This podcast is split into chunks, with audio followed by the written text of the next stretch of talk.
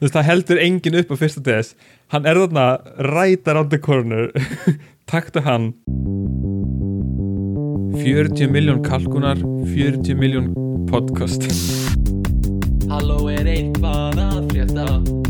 Já það er ekkert að frétta. Já það er ekkert að frétta. Ekkert að frétta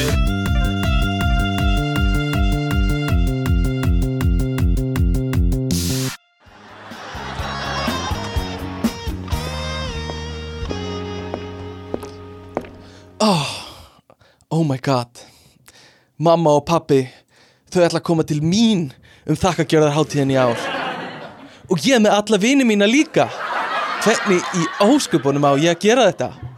Ég þarf að elda kalkuninn, ég þarf að búa til sásuna, ég þarf að búa til sultuna, ég þarf að kaupa inn fyrir ísinn og pekan netur böguna. Guðni, hvernig eigum við að gera þetta? sko, sko um, þú voru alltaf að gleyma hérna eplabögunni og hérna sætkastabögunni og Æjá, pumpkinbögunni Stína frænka þarf sína eigin böku Ó nei, ég var búin að gleyma þessu. Ó, og hver á að gera valdórsalatið Mamma vill hafa það með eplum En pappi vill ekki epli. Hvað eigum við að gera? og Siggi bróður vill hafa vínber Ó en nei. ekki epli. Stína frænka var að ábúða sig Mamma og pappi ætla ekki að koma. Stína frænka er komin aftur, þau eru hægt saman. Nei! Þetta er svona típisk sena í bandarískum þáttum. Uh, Var það ekki? Varst þetta ekki frænka vel? Uh, svona uh, stereotýpa ná, náðum svo vel. Mm um, hérna, Velkomin í Welcome to the Thanksgiving episode. Uh, Thanksgiving special. Spanksgiving Thessial Four og hours Thanksgiving special. Okay. þannig að segja þetta aftur. Four hour Thanksgiving special. Yes, ok. Mér láka aðeins að, gefa þér smá vandræðilega þögn þannig Velkomin í Thanksgiving Special uh, Stefán Gunnlaug Jónsson og Björgvin Brynnisson taka á mót okkur í dag. Um, ah, Góð hljóðgæði.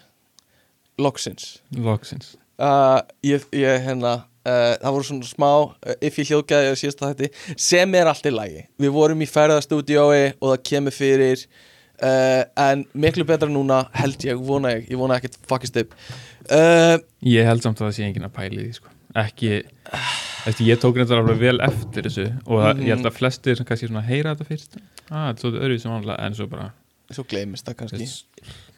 Já, sennilega, ég samt bara svona þetta nagar með það innan þegar eitthvað svona gerist sko. já, þetta er uh, svona smá pyrrandi en Eh. eins og þú segir, það er kannski þeir sem eru að koma í fyrsta þátt heyra þetta, þess, ef einhver Já. er að heyra já, hlusta þáttinni í fyrsta skipti heyra þetta svona, að nei, sleppum þessu. Já, ég hugsa það sko og ég uh, held reyndar að, að síðast þáttur hafi alveg verið svona þáttur það er svona rosalega margir voru að koma í fyrsta skipti sko. Ég held það líka, þetta var bara flóð sko. Soundcloud bara, fjall, bara var niðri í smástöðun það var svo mikið af nýja fólki Hérna, uh, geðveikt hvað er að frétta? ekkert Sko, uh, það er rétt það er ekkert að frétta og það endur speglast svolítið í uh, fréttamiðlunum sem við ætlum að ræða eftir samt- eða það er samt bara einn hlutur að frétta. Er og við eitt að tölum um það. Það er eitt að frétta. Uh, sem er, já, sem við tölum um á eftir. Uh, rýmar við Smrindavík og uh, en allavega uh, hvað er rauðin dagsins dag? Ert þú að drekka eitthvað? Munnvatn, sjúandi munnvatn. Og ég er að drekka vatn þannig að ég býst að rauðindags í dag er Aqua Vintage uh, Fossvogur cirka 2023 eða eitthvað mm. mm. mitt munnvatn er að frá og rökkun 2012 árganginum þitt munnvatn Já. já.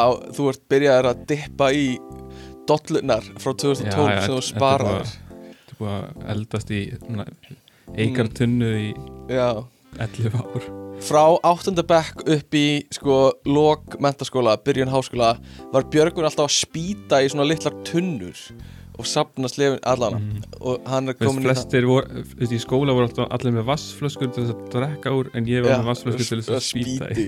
um uh, og styrtar alveg þáttanins í dag eru uh, blöyt þurrkur um, ekki styrta mér en uh, sn- notaði mig í að skeina þér því það er betra fyrir rassin þinn. Eða eitthvað, ég veit það ekki mm. ok, hvað þú með betra slagur fyrir blöyturkur uh, Blöyturkur Þegar þurrþurkur er ekki nóg. Ok, ok, það er gott.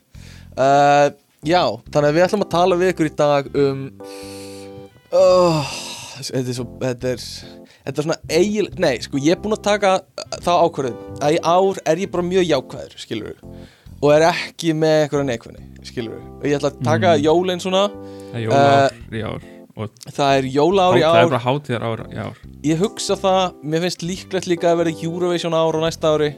Uh, og En Hérna- það var alveg Eurovision ár Þú komst í Eurovision partin til mín og allt. Já, en ég held að verði meira jafnvel næsta ári sko. uh, Þú veist, ég horfi kannski á undakeppninar og, og, og hver veit nema ég horfi á alla leið alla á einn þátt eða eitthvað svo leiðis Mm. uh, En hérna uh, það er Thanksgiving og uh, bráðum.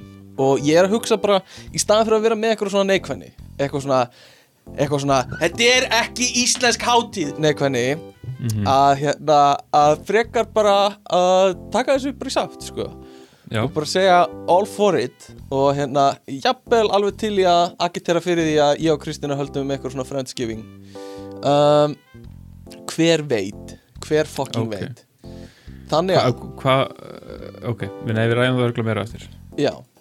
Uh, en í, í millitíðinni þá ætlum ég bara að segja Thanksgiving fær bara bara spenntur fyrir hátíðinni skilur, í staðan fyrir að segja uh, að þetta sé ógisla bandarist og það sé fáránlegt að Íslendingar sé einu svona pæli að taka þátt í þessu.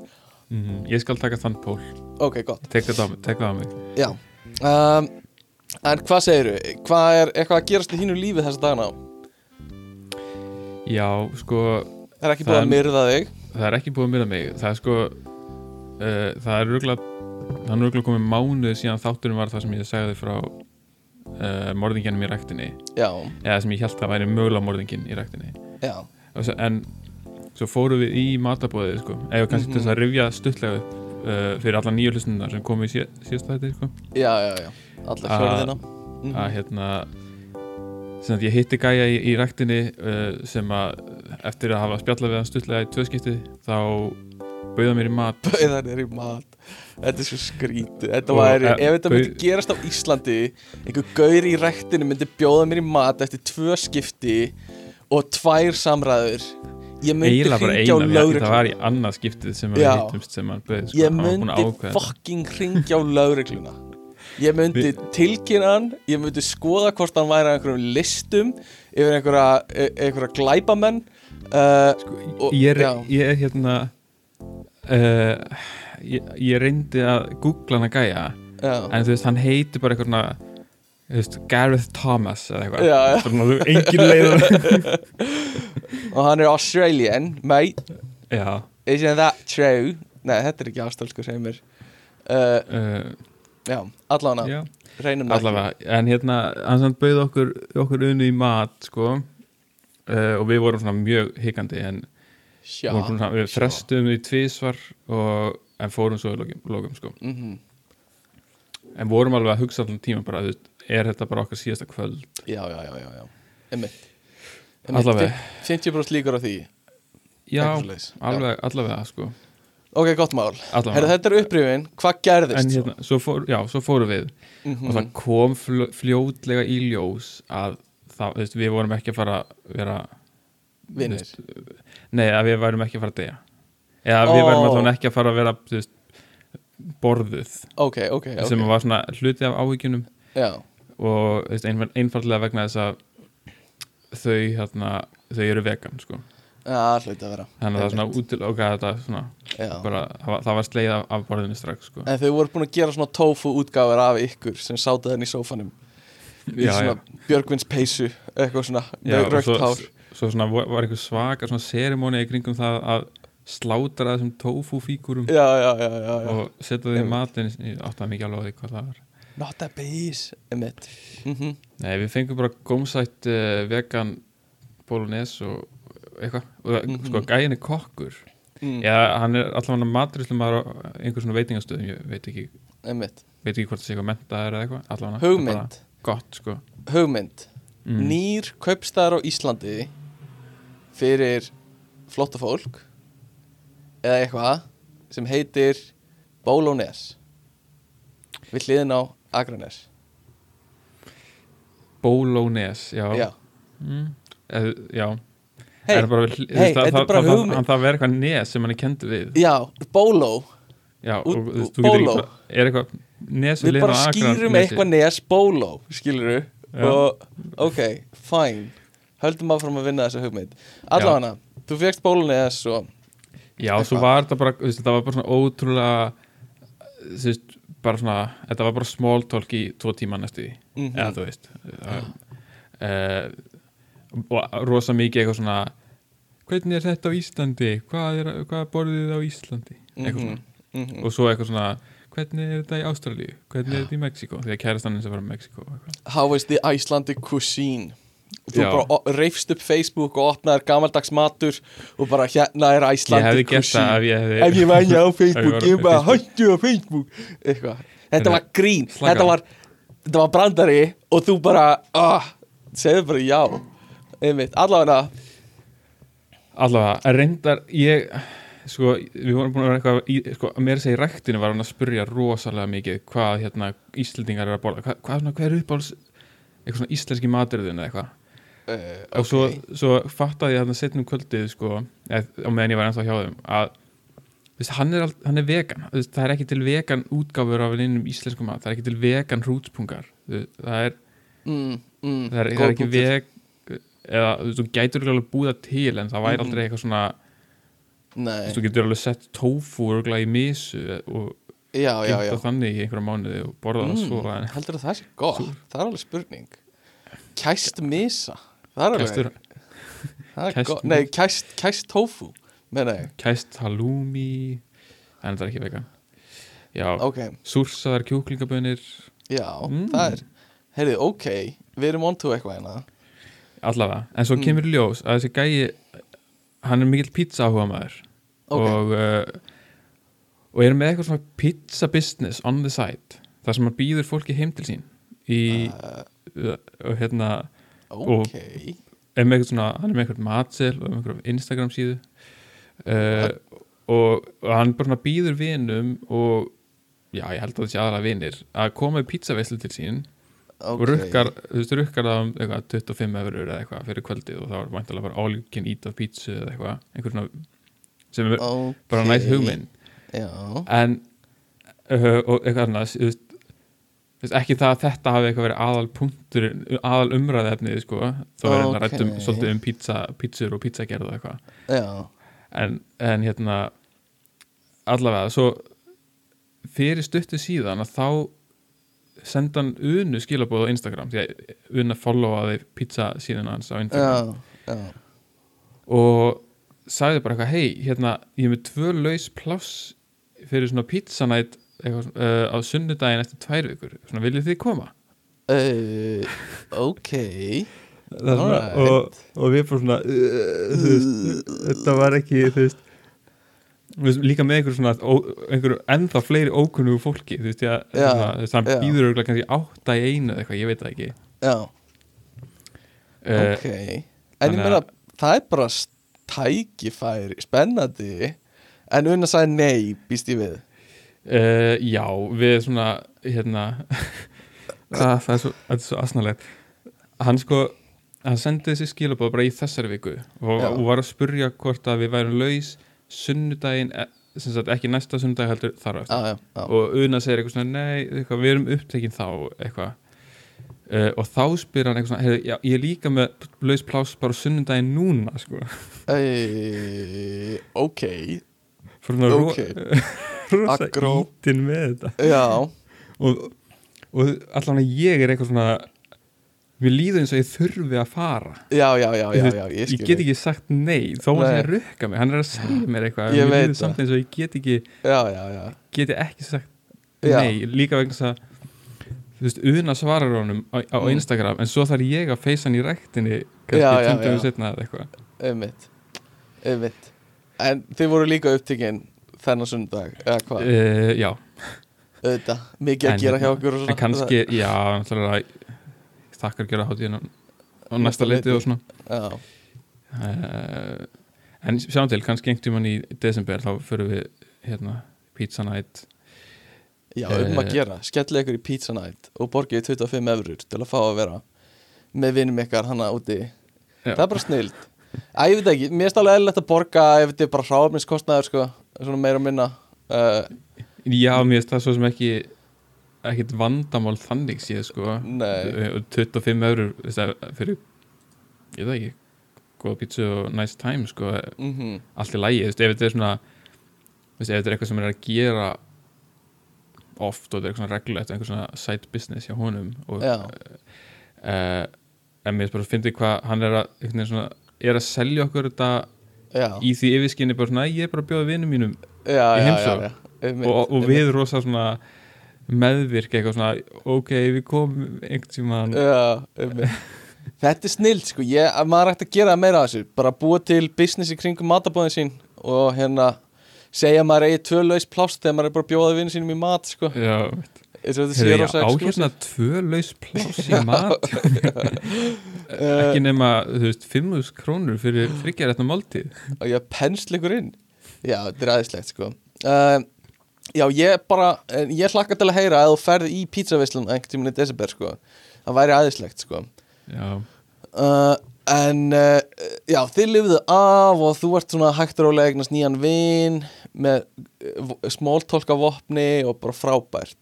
Mm Ertu góður smóltólkari?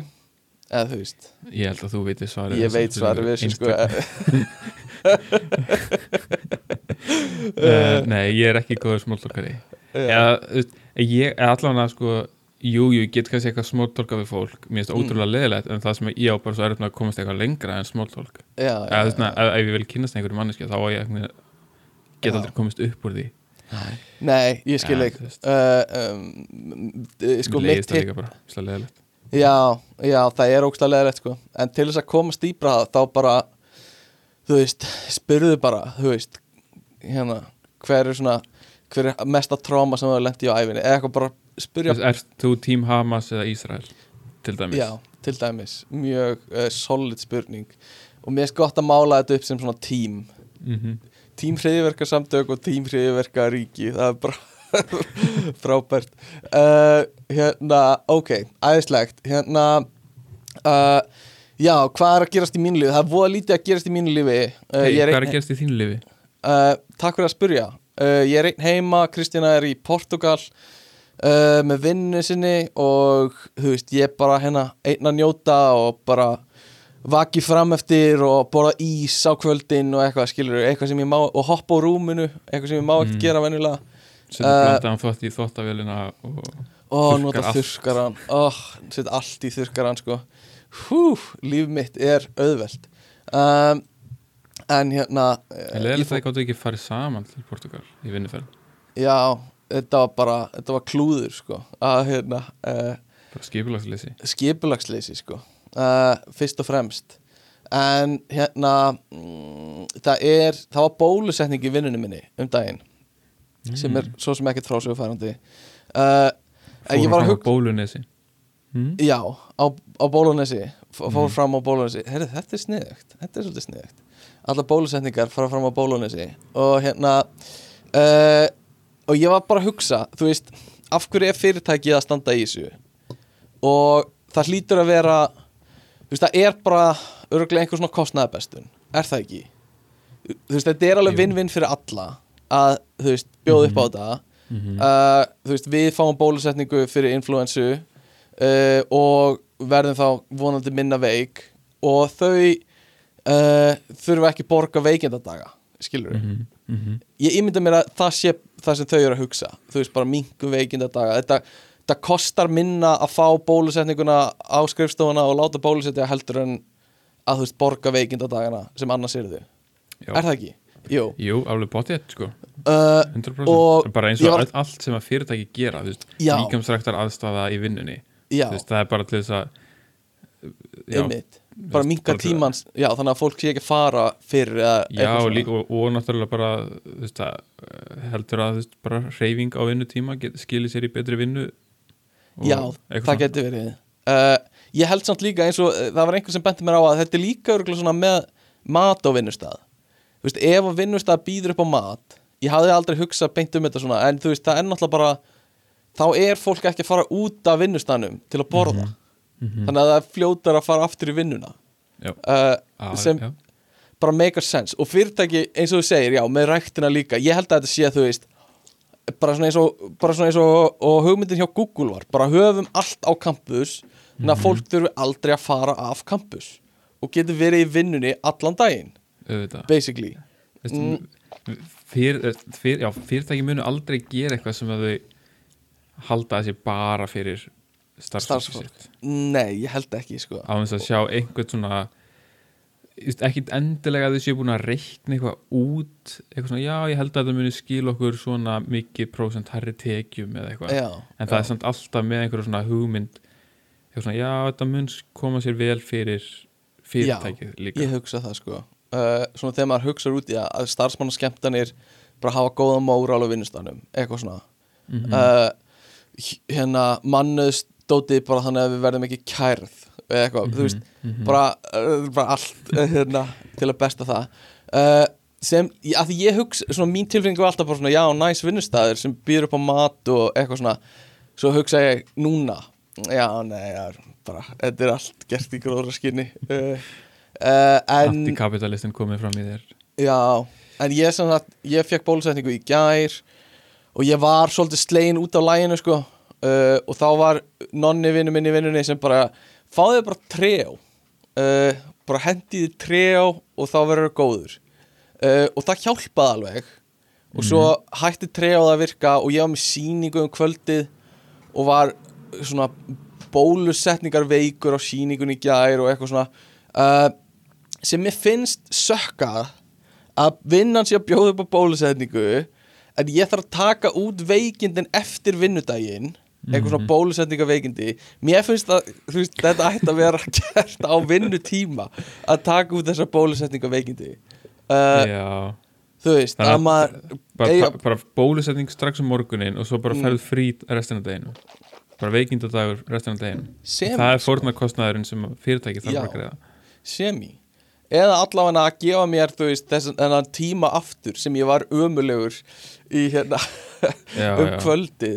Uh, en hérna já, en ég gó- bara var svo stálslegin í dag sko uh, þetta er svona oh, svona bólusetning og veikindi, þetta er samum að ég fekk eftir Janssen hérna COVID-sprutur, Ó. ég hef aldrei verið liðið Varstu þannig? Varstu svo slappur? Nei, eða þú veist, ekki alveg svo slappur Janssen var alveg bara það var eitthvað versta sem maður hefur lendi í sko uh, það var bara, maður, ég skalf og bara, bara svaf ekkert, ég var bara í einhverju svona uh, bara svona svona hálf meðvitindalaus alla nóttina, bara eitthvað svona sársauki uh, en uh, svo, já, líður manni vel bara strax eftir um, Heyrðu, eigum við að fara í frétti vikunar eða? Mm -hmm. Ok, sko Skrollandi, ég var að skrolla í gegnum þessa miðla og byrja því að skoða MBL og svona mest lesi í vikunni allar fréttir sem voru mest lesnar í vikunni snýrust um Jarskjaldana á Grindavík og eldkostið mm. mögulega eld, eldkostið Mm sama með vísi að þú bara svona skrollar fréttir síðustu viku svona 90% Já. af fréttunum er um þetta sko Það sem Uh, núna er aðeins farið að koma meira eitthvað annað með sko. Já, Það er svona farin að sjá aðeins meira. Þetta er ekki alveg, alveg jafn svona hvað er að segja ferst eða svona. Nei, þetta er ekki alveg, alveg eins ferst en uh, þetta er samt svakalegt sko. Og þetta er ömulegt fyrir fólki frá Grindavík. Bara full samúð, þetta bara sökkar. Uh, þú veist, þú ferð er- ert send, sendur bara, það er bara rýming á öllum bænum, þú færð ekki tíma til að taka neitt með þér. Uh, og líka bara, þú veist ég veit ekki nákvæmlega hvernig bó, bæ, bóta, þú veist systemi virkar en, en þú veist þú getur ekki selt eignina þína Þú veist, ég, ég myndi með það orðin bara, bara. hún er bara orðin verðlaust og þú veist, þó að þú viljir koma þér út úr Grindavík sem, þú veist, margir vilja bara búa heima, eða þú veist, það sem ég heima í Grindavík en segjum að þú viljir flytja frá Grindavík þú veist, þú getur ekki selt eignina þeirna til að fara frá Grindavík. Þú Nei. ert fastur eða föst í Grindavík.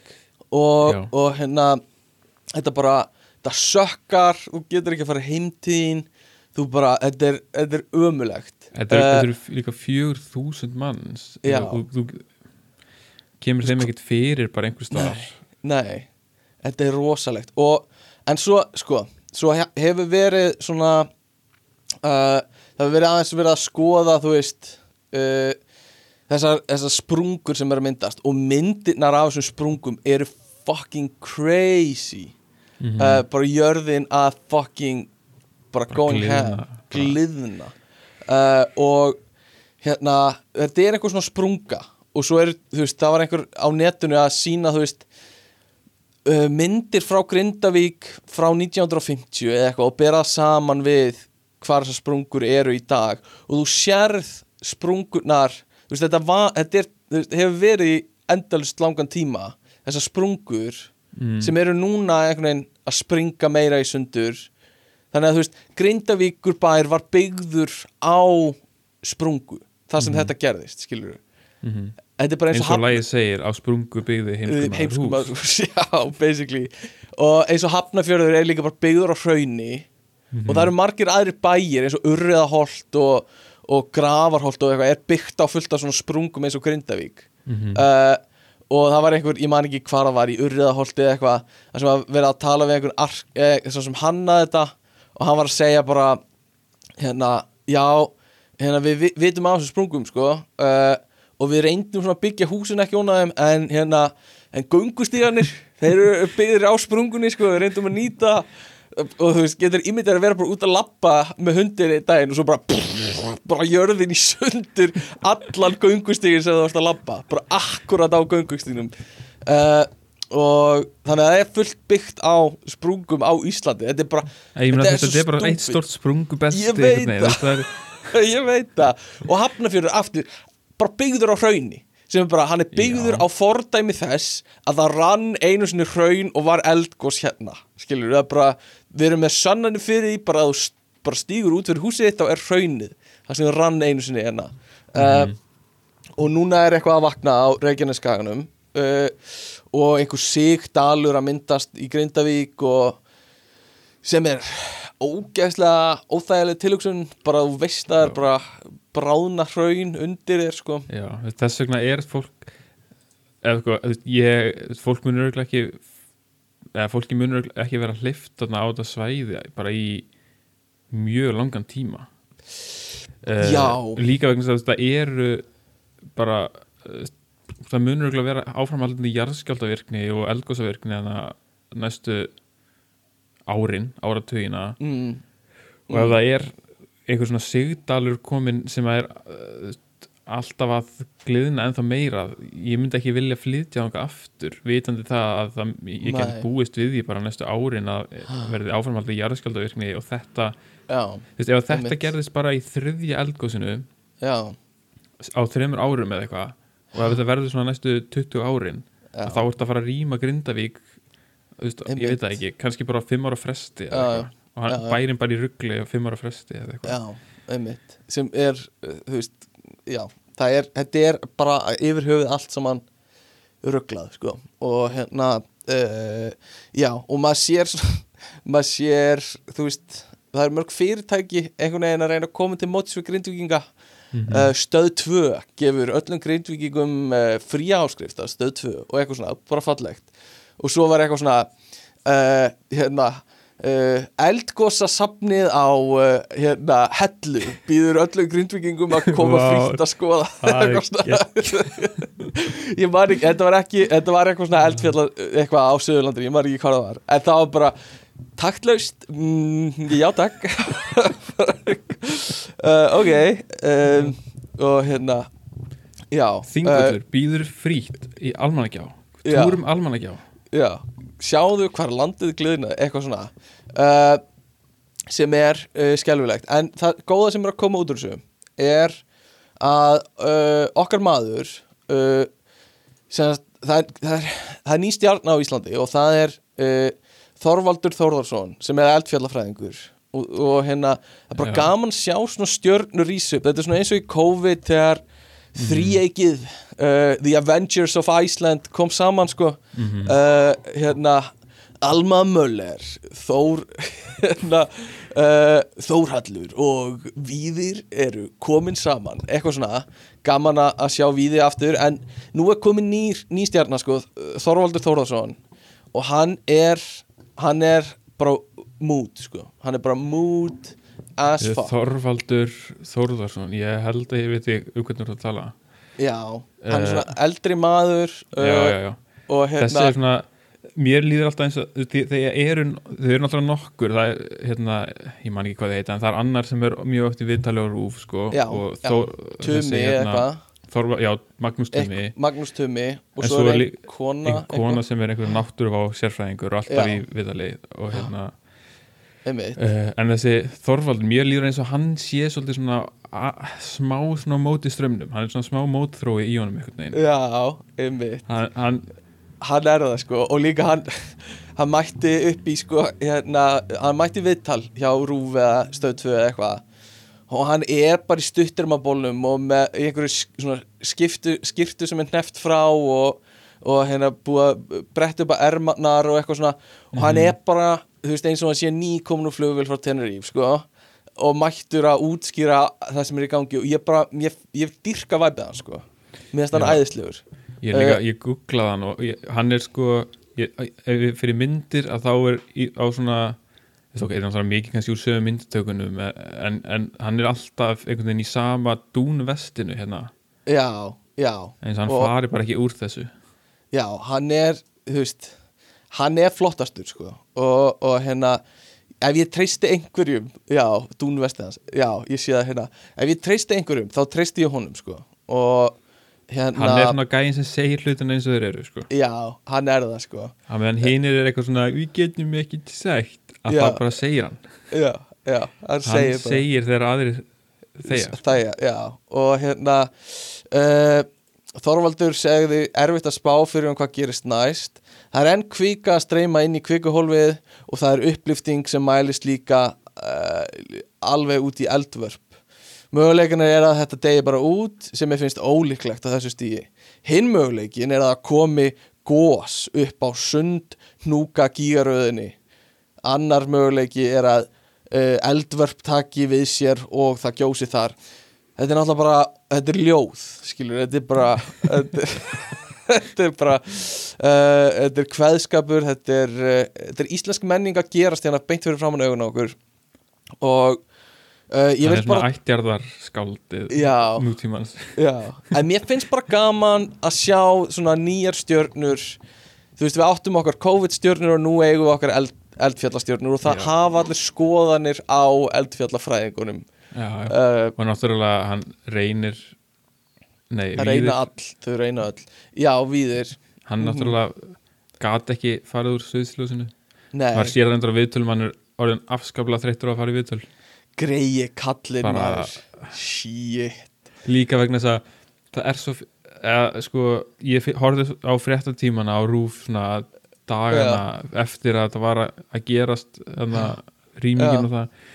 Og líka einhverjum svona auka fréttatíma og það var bara eins og það væri að endur flytja sama viðtali og frá veit. fréttatímum áður sami gæinn á Já. nákvæmlega sama staðnum og Já. spyrja nákvæmlega sömu spurningana Já. og færa nákvæmlega sömu svörin og svarið er eiginlega alltaf þetta er svona, þetta er svona einhverjur orð þess að eldfjalla nei, hérna jarðvirkni sem er í gangi núna er sko, gæti gerst rétt strax eða aldrei og svo bara, allir bara bara klappa bara, yes.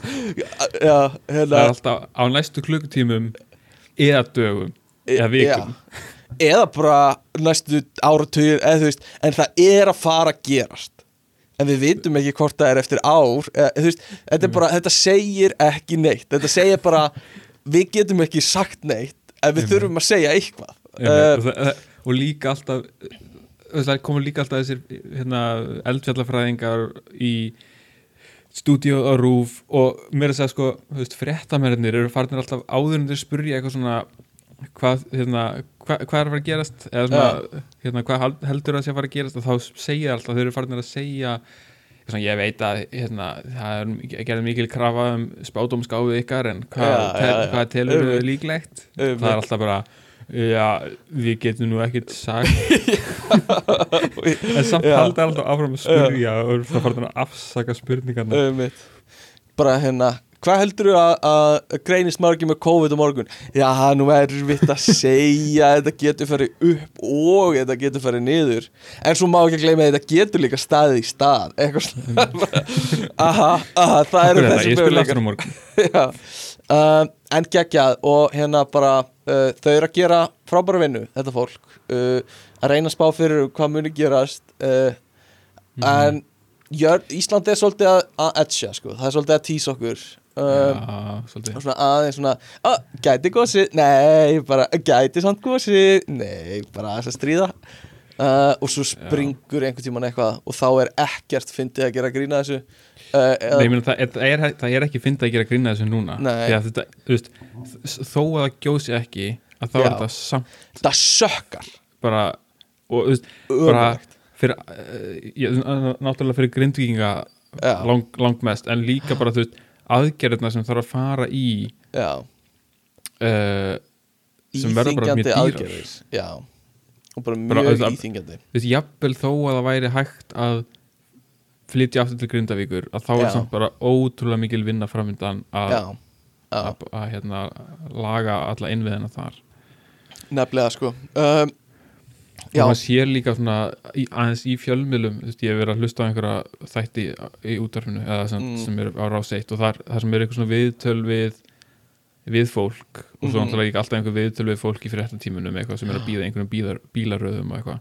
Og maður sér fólkið einhvern veginn bara svona fara í gegnum sorgarferli eða Þetta eitthvað fyrst einhver svona það er alltaf að tala um eitthvað sjöstig sorgarferlis Já. eitthvað blað sem eru samt frekar mikil svona gerfi vísindi einhvern veginn en maður sér samt einhvern veginn ég veit ekki hver skrifin eiga að vera en þú veist, fyrst bara eitthvað svona eila afneitun og svo bara svona þú veist allir rosa þakklátið fyrir stuðningin já, og svo verða allir ógæslega reyðir já, og, og hérna reyðir út í stjórnvöld reyðir út í almannavarnir eða lögregluna fyrir að gera þetta ekki nógu vel.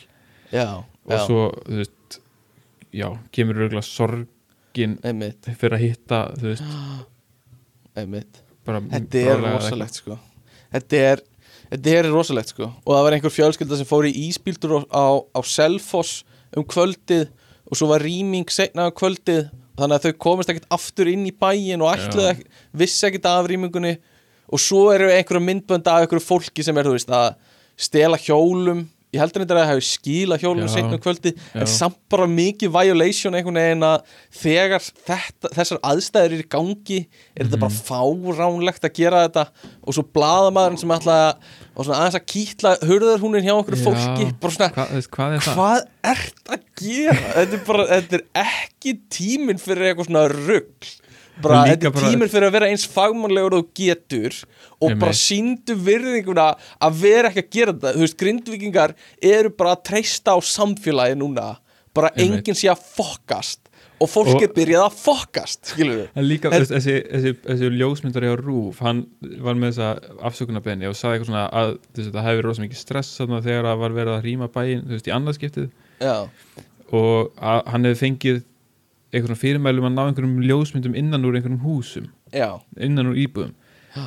og þú veist og hann, þú veist, í einhverju ég veit ekki svona hvaða hugarástandi maður þarf að vera, þú veist, að fara að reyna að leita einhverju líklum eitthvað, þú veist, en ef hann hefði síðan tekið einhverja myndir já, já hvað ætlar að gera? fólkið sem býr þarna bara, hvað, þetta er heima hjá mér.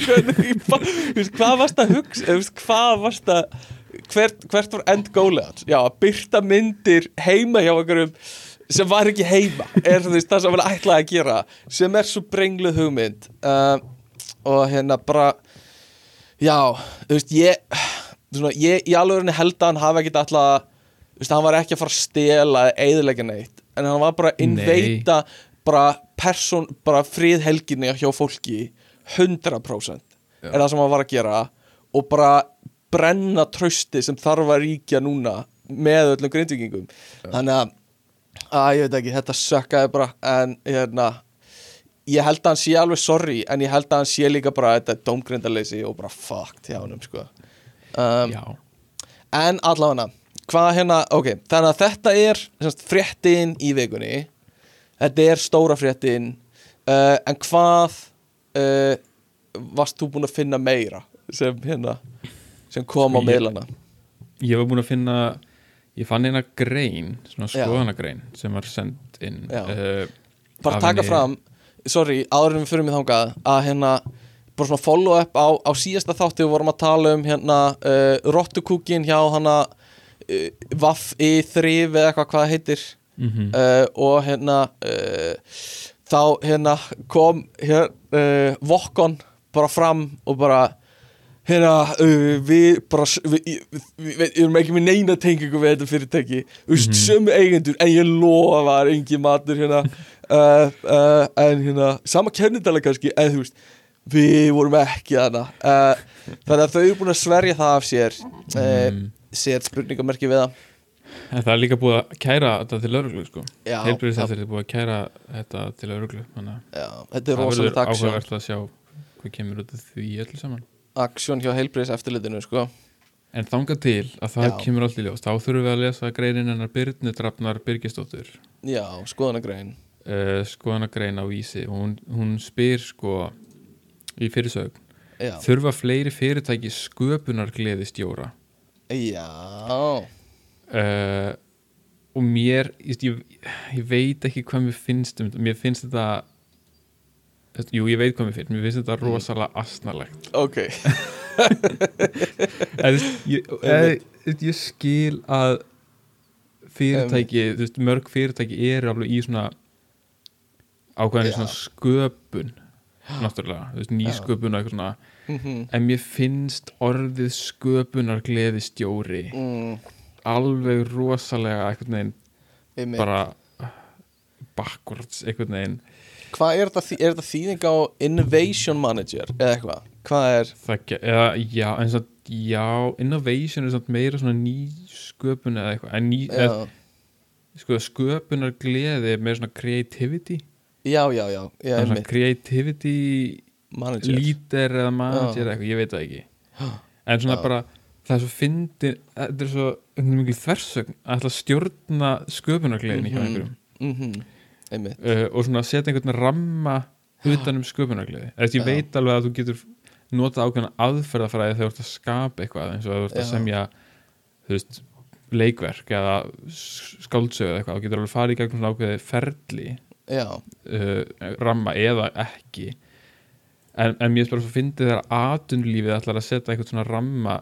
Mm hún segir sköpunargleði ferlinu hefur verið skipt í fimm þætti skilgreining á vandamáli slags áskorun. Söpnun á viðeigandi gögnum. Hugarflug, tilraunir mat á hugmyndum. Aha. Einmitt, uh, að ég veit ekki.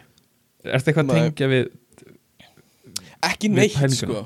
Uh, eða þú veist, ég er ekki að tengja neitt við það sem þessi viðkomandi er að skrifa um. Nei, er þetta tengja við mínar pælingar? Uh, Mínar já, hugmyndir. en sko svona mótrök við því er þú veist uh, mér finnst eins og við séum að reyna að færa okkur yfir í meira svona þú veist að, að við verum að minka við okkur í svona uh, manjólei bara svona uh, veist líkamlegri vinnu og eitthvað svona að kannski er einhver partur af því að byrja að finna einhver svona nýjar uh, þú veist, ný störf og eitthvað svona ég sé Já. ekki alveg hvernig þessi manneskja er að þú veist, koma eða þú veist, hjálpa fyrirtækinu ég held að ég, ef ég væri í einhver svona færi eitthvað workshop hjá svona mannesku væri ég bara þú veist, ah, ég nenni sig eða þú veist, bara svona en kannski er það einhver vinnumenning sem þarf að breytast bara í framtíðinni uh, ef ég á að, að uh, þú veist gefa henni sjens sko. ég, sko, ég átta mig alveg á mikilvægi þess að að íta undir sköpunar gáfu eða, eða að að gefa fólki tækifæri til þess að koma með hugmyndir mm uh, vinna með hugmyndir veist, vinna með hug, svona -hmm. brainstorming og -hmm. koma hugmyndum á framfæri og síðan í einhverja svona uh, hérna, koma þeim í verk já, en það virkar eins og já, eins og sköpunargleði fræðingur mm, uh, eða sköpunargleði stjóri sé enn eitt svona starfseiti eða, vinn, eða svona, já, bara starfið sem að er einhvern veginn virka bara einhvern veginn óþarfi eða bara svona Já. tilbúið til til þess að gefa einhverjum vinnu já, þetta er svona sko. uh, já, svona virkar eins og millistjórnunda eða eitthvað já, svona já, virkar svolítið þannig á mig en það er bara oft þannig eða þú veist fyrirtækjur eru með alls konar eitthvað svona stöður og ég veit ekki hvað helmingurinn að þeim eru sko. eins og fyrirtæki okkar er með bara fólk sem bara virðist eða þú veist, ég veit ekki hvað ég á að segja. Þa, uh, það hafa náttúrulega verið bara í gegnum árin eitthvað svona störf sem eru bara svona uh, client facing og bara er bara starfið snýst um bara það að eiga samskipti við kunnan og að þú veist, reyna að halda honum góðum og eitthvað svona uh, svona accounts manager ég mann eftir þessu matmenn þáttunum. Uh, og þá bara vinnaðin er bara að fara út að borða með kunnanum og þú veist, sínunum bara láta hann hafa gaman og eiga í góðum samskiptum við hann. Mhm. uh, og maður hugsa einhvern veginn svona er þetta bara óþarfi? Uh, eitthvað svona þú ert ekki að gera neina vinnu per se þú veist bara eitthvað svona en ég held að bara hafi sínt sig að það skipti máli bara svona persónuleg tengsl og eitthvað. Uh, og þetta gæti verið eitthvað sem ég veit ekki, gæti verið næs í framtíðinni.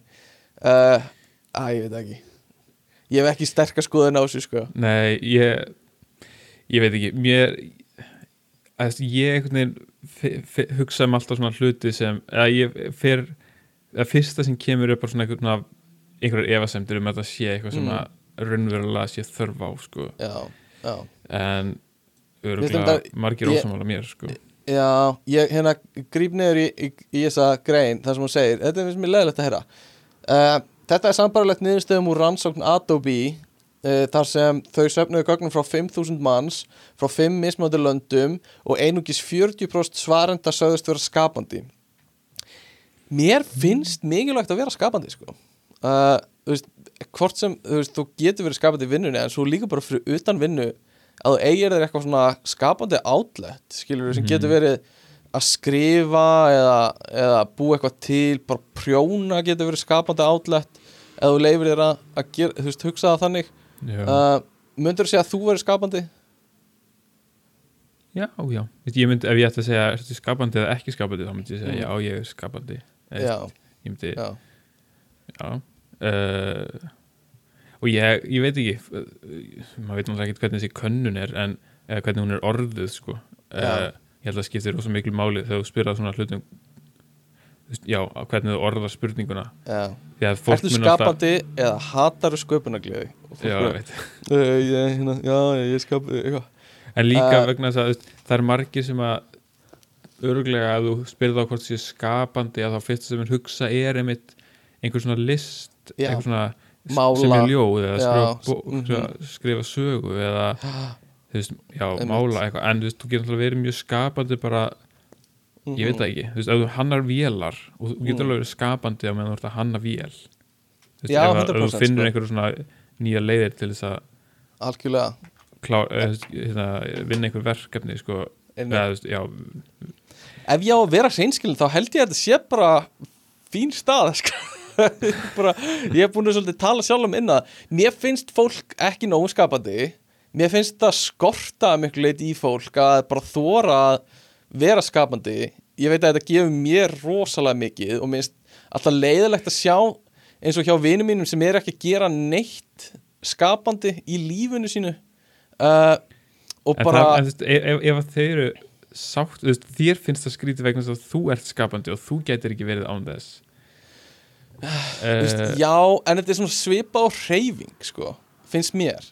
Bara þú veist, já, já, þú getur alveg liðið vel og þú ert ekki að hreyfa þig en ég trúi því samt að sé holdt að hreyfa sig og það ætti allir að hreyfa sig sem, þú veist, sem mögulega geta og saman með sköpun, skilur þið getur alveg liðið vel á þess að gera en ég held að myndi, það hjálpar öllum að einhverju leiti en þú þarft samt þá að vera með þetta þú löngun í það Já, þú veist, ég held að, Já. að ég held að Já, sköpun kannski. sé alveg svolítið mikið uh, svona einhvern veginn innsæ eða eitthvað, já, eitthvað sem að bara svona sjálfkraf, bara kemur ósjálfrátt Já, ég að gæti verið auðvitað getur alveg örgulega gert eitthvað unnið eitthvað í því til þess að Mhm. verða meira skapandi mm. en ég held að en ég veit ekki, kannski er alveg rétt þér að að, að það sé einhverju leiti svipað á hreyfing, það er bara ekki búið að leggja sömu vinni í að rannsaka mm Mhm. veist, áhrifin jákvæð Já, andleg heilsu áhrif já Og þar kemur hún vinkun okkar uh, Birna Dröfn stertin held ég sko. Já, ég meina kannski er hún bara að fara að bjarga kannski dæmdi ég of snemma sko. ég, Hey, ég, bara, ég, ég, hef bara, ég hef alltaf bara svo litla trú á svona nýjum Ég starfstöðum veit það, ég veit það. Og ég er alveg sammálaðir þar sko. Það er mikið þessu prump sko. Herru, höldum vel spjónum. Eitthvað meira? Uh, uh, ég ætla að mér langa það er eitt sem ég finnst svolítið merkilegt og það er hérna Solveig. Mm, Solveig sem vil fá stækkanlegt ringborð ok, ok. Uh, Let's do it. Sko það sem ég finnst fyndið er að ímynda sér að það sé ekki innanhúsarkitekt.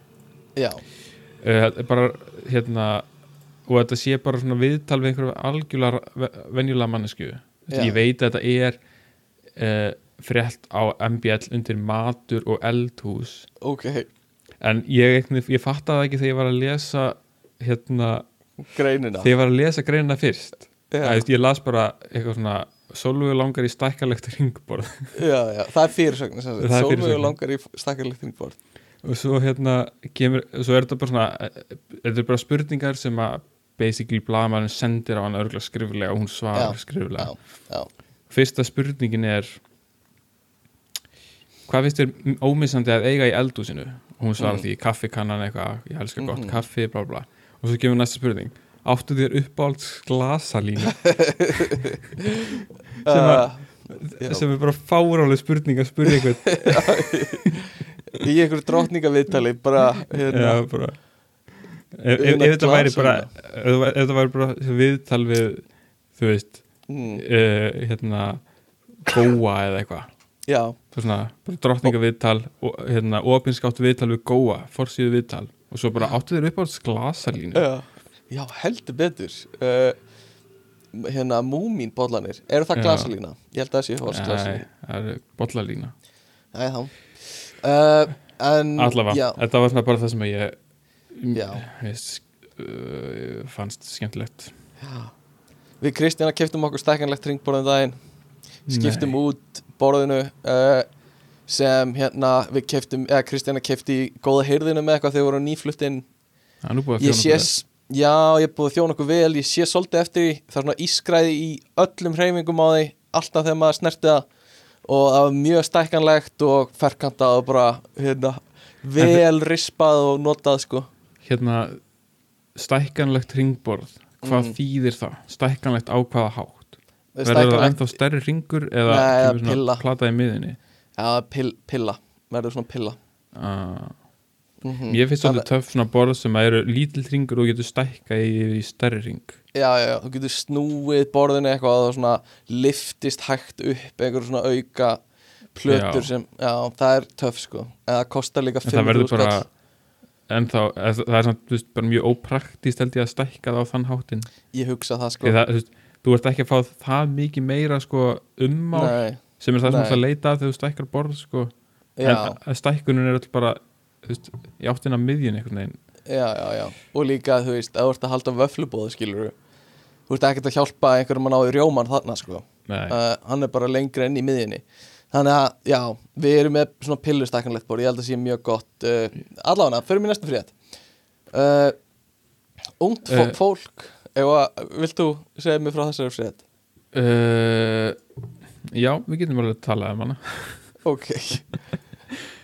Uh, Hérna, ungt fólk Þetta er líka atvinnulífið á vísi Ég, mér veist, frétnar það er algjörlega frábærar. Mm Ungt fólk að segja upp vinnunni í beinni á TikTok Já, Ég veit ekki, jú, ég held að það sé sa, sko, ég, einhvern tímann fyrir nokkrum vikum þá vorum við að tala um aðra frétt sem tengdist sko því að uh, Gen Z væri að fara að breyta öllu á vinnumarkaðnum. Já, ég veit ekki hvort þú munir eftir já. Ég held að þetta sé svona, þetta er eiginlega framhald af því sko, að, hérna vera að fjalla um trend þar sem að ungt fólk er að segja upp vinnunni uh, í einhverjum svona livestreami á TikTok. Mhm, basically bara með yfirmann í símanum eða að Já. senda, nei, senda postin eða eitthvað. Einmitt. Uh, sem er áhugavert en mér líður eins og Rakel sem skrifar þetta svona, finnst þetta aðeins svona merkilegra heldur En það er. raunverulega er. Já, já, því, að, því að jú, þú veist, það er ungt fólk en þú veist, fólkið sem er eftir, fólk á TikTok sem postar á TikTok, það postar öllu sem það gerir á TikTok og þetta Já. er bara svona eitt af því en það er Mm. ekkit eitthvað svona en er þetta ekki eitthvað trend eitthvað svona, þú veist, jú, þetta er trend nokkru byrja á þessu og svo eru fleiri og svo deyr það Mhm. út já veist, það en er þetta ekki partur af the, grace, the Great Resignation einhverju bylginu sem er að gangi yfir uh, jú, hún talar um það að það Mm. sé hérna að það sé hluti af því uh, sem að ég e- þú veist, efast svo sem ekkit um mhm, að, að þetta, já, stóra uppsögnin sé raunverulegt dæmi. Já.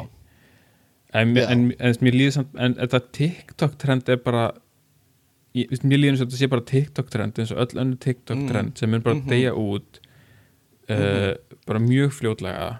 En hún vil meina að þetta sé eitthvað svona samfélagslegt thing. Já, að það sé einhver svona meining að, að, að það sé að lesa eitthvað í þetta að, að það að segja upp vinnunni er ekki lengur eitthvað sem þú gerir mm, svona hérna bara face to face við yfirmanniðinn og ert ekki að opinbera það eitthvað. Já, uh, og ég held að það mér líður ekkert eins og það ég hef ekki trúið að það sé eitthvað breytt. Nei, ég held ennþá að þó þú sért að tala um Gen Z að þá myndu samt 99% af Gen Z segja upp vinnunni sinni og finnast það mjög óþægilegt og ekki hafa áhuga á að byrta það á samfélagsmiðlum Nei, ég skil ekki uh, Það sem ég finnst eiginlega áhugavert við þetta er bara að hún er vinnan hennar er bara að skrolla TikTok og skrifa greinar upp úr því uh, já og lesa svona atvinnu lífsfrettir á öðrum miðlum og Já, þýða ég, Sko, mér finnst það magnað Það eru endalust af svona fréttum um einhver TikTok myndbönd sko. Mhm. uh, og kannski er þetta þú veist, ef ég var að gera þetta væri ég bara að skrifa greinar á vísi um öllu YouTube myndböndin sem ég er að horfa á. Bara eitthvað bara var að horfa í gæði frá Kurtskir sagt channelinu um eitthvað svona hvernig interstellar hérna, stríð myndi fara fram. Mhm. eitthvað svona hvernig, hvernig þróaðar geimverur myndu reyna að eyða jörðinni? Og ég myndi bara, já, beint á vísi að skrifa greinum hvernig þróaðar geimverur myndu eyða jörðinni með einhverjum lasergeislum og eitthvað svona. Mhm. uh, og mér finnst það mjög svipa dæmi að fólk er bara eitthvað að skrolla TikTok í sitt og bara, er ég er búin að fá einhver svona þrjú uppsagna myndbönd já, kannski ég skrifa grein og, og hérna, aðeins að skoða hver í gangi eitthvað. Uh, og þetta er líka bara eitthvað uh, hún er að vitna í einhverja grein frá BBC og þetta er bara í fyrrnefndri grein segir að þetta trend hafi byrjað með myndbandi sem var byrt á TikTok í júli 2021 Ungur starfsmæður McDonalds sagði þó upp í beina á TikTok til að gera langarsögur stutta sló myndbandi einfallega í gegn um allan heim. Þú veist Mhm. þetta er þetta er bara þetta er bara að vera, að ég veit ekki. Við, þú veist, við erum við eigum ekki að vera að tjá okkur um þetta þetta er, þetta er ekki, við eigum ekki að vera að tjá okkur um þetta. Ég er svona, ég er að átta mig meira og meira á því bara þegar ég er að segja þessa setningu við eigum ekki að vera að fjalla um þetta hljóma bara sem við séum gamli kallar að, að væla. Skilur við já, ég get alveg verið bara gammal kalla væla ekki Já, en hlustendur þurfum ekki að heyra okkur segja það alveg þetta að vera gáli kallar að væla Ég er bara að vona að einhver tengi við uh, við uh, ímugust minn á, á svona atvinnulífs uh, Já, fréttum. Bara frábært. Uh, Síðasta fréttin sem við ætlum að tala um sem ég las líka er uh, jólagjafinir ár frá Elko og uh, þau vilja meina að hérna að snjallsími sé jólagjöfin í ár og í öðru boring? eru leikjatölfur og þetta, er, þetta eru hjút skjafir skilur, þetta er 100.000 króna þú veist, næstu 200.000 krónur. og Elko er að setja núna einhverja kröfu á viðskiptamenn sína að þau eigði þessum pening í makana sína og börnin sín og foreldra sína. Annars ert ekki góð góð manneskja, eða þú veist alveg bara að segja þannig, já, já. að þú veist, Þetta er- þetta er, er- gjöfin. Þetta er samt ekki, veist, ok, til að vera fair, en þú veist, já, þetta er definitely til þess að þau geti notað það í markasetningunni sinni, Já. en þetta er byggt á einhverju könnun þar sem að fólk svarar og segir þú veist, í fyrra var eitthvað svona var, erfrægir já, aðalgjöfin, er fræðir hvað? er, erfrægir aðferð til þess að er fræðir góður? já, fræðir er góður Mjög- einmitt, hérna, einmitt. Uh, nei, já, það var það var líka bara eitthvað svona, mér fannst það eiginlega vera smá grín, sko. Þetta er svona eins og fótanuttækin voru bara allir Já. að kaupa fótanuttækin fyrir alla. Þetta hefur oft verið síðustu ár eitthvað svona eitthvað sérstakt tæki já, eitthvað svona airfryer eða sous vide tæki já, og örgulega eitthvað fleira fótunutæki einhvern tímann. Já. en núna er þetta bara sími. Það er eins og sé ekkert svona spes það er ekkert, ekkert spæs í þessu einhvern það er ekkert spicy í þessu, sko. Þetta er mjög bara generic. sími, leikjatölva, heyrnartól. Já, eitthvað einmitt. Þetta er, þetta er frekar boring. Uh, uh, já, þetta er byggt á einhverju könnun hérna. Uh, 4,5% svarenda verða ekki heima um jólin. Takk fyrir það. Uh, og svo er eitthvað um unastæki og helmingur fær tvær eins jólagefir já og sumir fá uh, teppi frá bróður sínum tvö ár í röð. Mm. eins og mögulega bróðið þinn. Mm, hefnir uh, allana fuck off þeim með fréttinar fuck off með fréttinar það er búið. Skilur, klukkutími búinn. Við erum búin að tala um ekkert. Þetta er bara jó, við töluðum um Greindavík uh, hérna snild, við ætlum að tala um Thanksgiving. Ertu til í það? ég er til í það ég er til í það. ok, þá ætlum ég bara að spyrja þig. Uh, ertu hvað finnst þér um Thanksgiving? Sko, ég hef aldrei haldið upp á Thanksgiving. Uh, ég held en uh, þú veist ég, ég er ekkert spenntu fyrir því að endilega halda upp á Thanksgiving. En þú Mhm. veist, ég meina þetta er alveg ágættis tilefni til þess að já, hitta fólk og hitta vini og ég meina öll tilefni eru góð til þess að hitta vinina sína eða Mhm. fjölskylduna sína. Einmitt. Og sko, er þannig að veist, og að vera þakkláttur er bara veist, ef að það er svona yfirskriftin þá bara veist, einmitt. bara flott. Þa það er náttúrulega svolítið þannig núna uh, að, að Thanksgiving er uh, er horta á svolítið þannig uh, tilefni til að vera þakkláttur uh, og Íslendingar að taka þetta upp núna uh, og með svona einhver friendsgiving dót, þannig að bara vinir hittast og, og elda saman og eitthvað. Bara fínt skilur en en þú veist en. En af hverju af Af- hverju Þú veist, ok, þetta? þú veist, þetta er þetta er bandarísk einhver ógísli hefð skilur uh, eitthvað? Já, sko uh, eins og sko, ok ég er verður ekki heyrt um Friendsgiving ég hef ekki heyrt þetta hugtak en ég, Ok. ég get alveg sé fyrir mig hvað þetta er. Já, uh, og væntalega er það hugmyndin að einhvern veginn líka eftir þakkargjörðarháttíðinni og þá væntalega mest bara maturinn sem Já, er bara framreitur, bara kalkun bara höfum og- hann kalkun og, já og maturinn og menningin sem við sjáum í sjónvarpinu já, frá skilur, það er bara það sem við verðum að gera. Emi það er ekki eitthvað svona ég vil hitta vini mína til þess að uh, vera þakkláttur fyrir, eða þú veist, segja Einmitt. hvað ég er þakkláttur fyrir.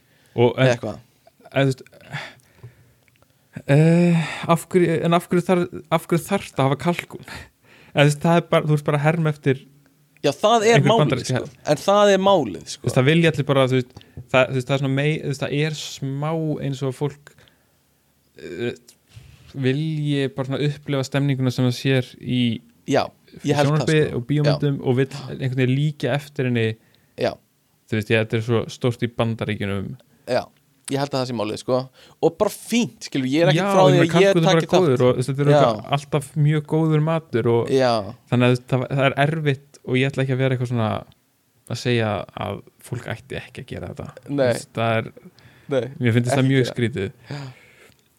En segð það samt. Segðu það ég, sinni. hérna við kannski það. tölum um það meira á eftir en ég las grein á vísindavefnum. Já. uh, Ég ætla bara að segja það samt. um hérna Ég, uh, það er ekkert ólíklegt að ég taki þátt í einhverjum svona friendsgiving ár og bara allt gott að blessa með það já, já, ég minna fyrsta skrefið er að viðkynna vandan já, já, það er það sko. flott, Já. gott að vita. Uh, ég er ekki að taka þáttin einu friendsgiving.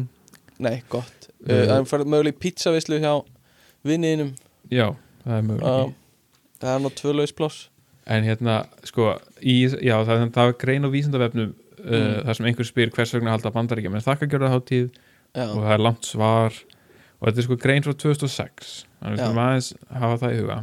Já, en loka orðin eru hérna uh, ekki er vitað um að aðrir þjóðir hafi tekið upp þennan sið þótt einstaklingar sem vanist hafa honum í Norður Ameríku kunni að gera það hver á sínu heimili. Aha, dagurinn er bundin sérstakri sögu og aðstæðum í you engin ástæða sýnist fyrir Íslendinga að halda upp á þennan dag enda er nóg af hefðbundnum dögum á næstu gröðsum til dæmis 1. desember og mér finnst það bara góð punktur af hverju ekki bara me gera meira úr 1. desember Já, bara fulla allir steginum bara okkar þú veist, haldu almennilega upp á 1. des Já. bara með góðu mat og öllu þú veist, hann er Já. basically á sama tíma og þakka hátíðin þú veist, Já, sem er alltaf síðasta eða næst síðasta 15 dag í november þannig að þetta er svona sami tímin bjóta allir fjölskyldinni í 1. des teiti. Nefnilega. En þetta er og þetta er þú veist, þetta er aðal svona mótstaða mín við þessu. Er, þú veist, þetta er svo litað af hérna af bandarískum sjónastáttum Já. Skilu, það er, og, og bandarískri menningu og bara og bandarískur menningu. og þetta var ógæðslega góðu punktur með fyrsta DS skilur Þú veist, það heldur enginn upp á fyrst þess hann er þarna rætar á the corner takta hann. Taktu hann. En það er ekki eins svona spennandi uh, uh, fyrsti DS er Já. á meðan að þengskifin er fimmtudagur þú getur meira þess að fara nýr í bæ og djamma eftir, eftir fyrsta DS veslina bara fullveldistjám en, en, en, en það er DS frídagur nei, nei, nei. nei, nei, nei. en það er ekki eins svona spennandi að deila því á miðlunum. Og það er ekki eins spennandi að þú veist líka eftir, eða þú veist, þú hefur ekki til að líka eftir og ok, En það er Og, þú leiðilegt þegar, þegar markmið er að líka bara en eftir það er bara málið skilur, það er eina sem og þú veist uh, í stað, já, ok.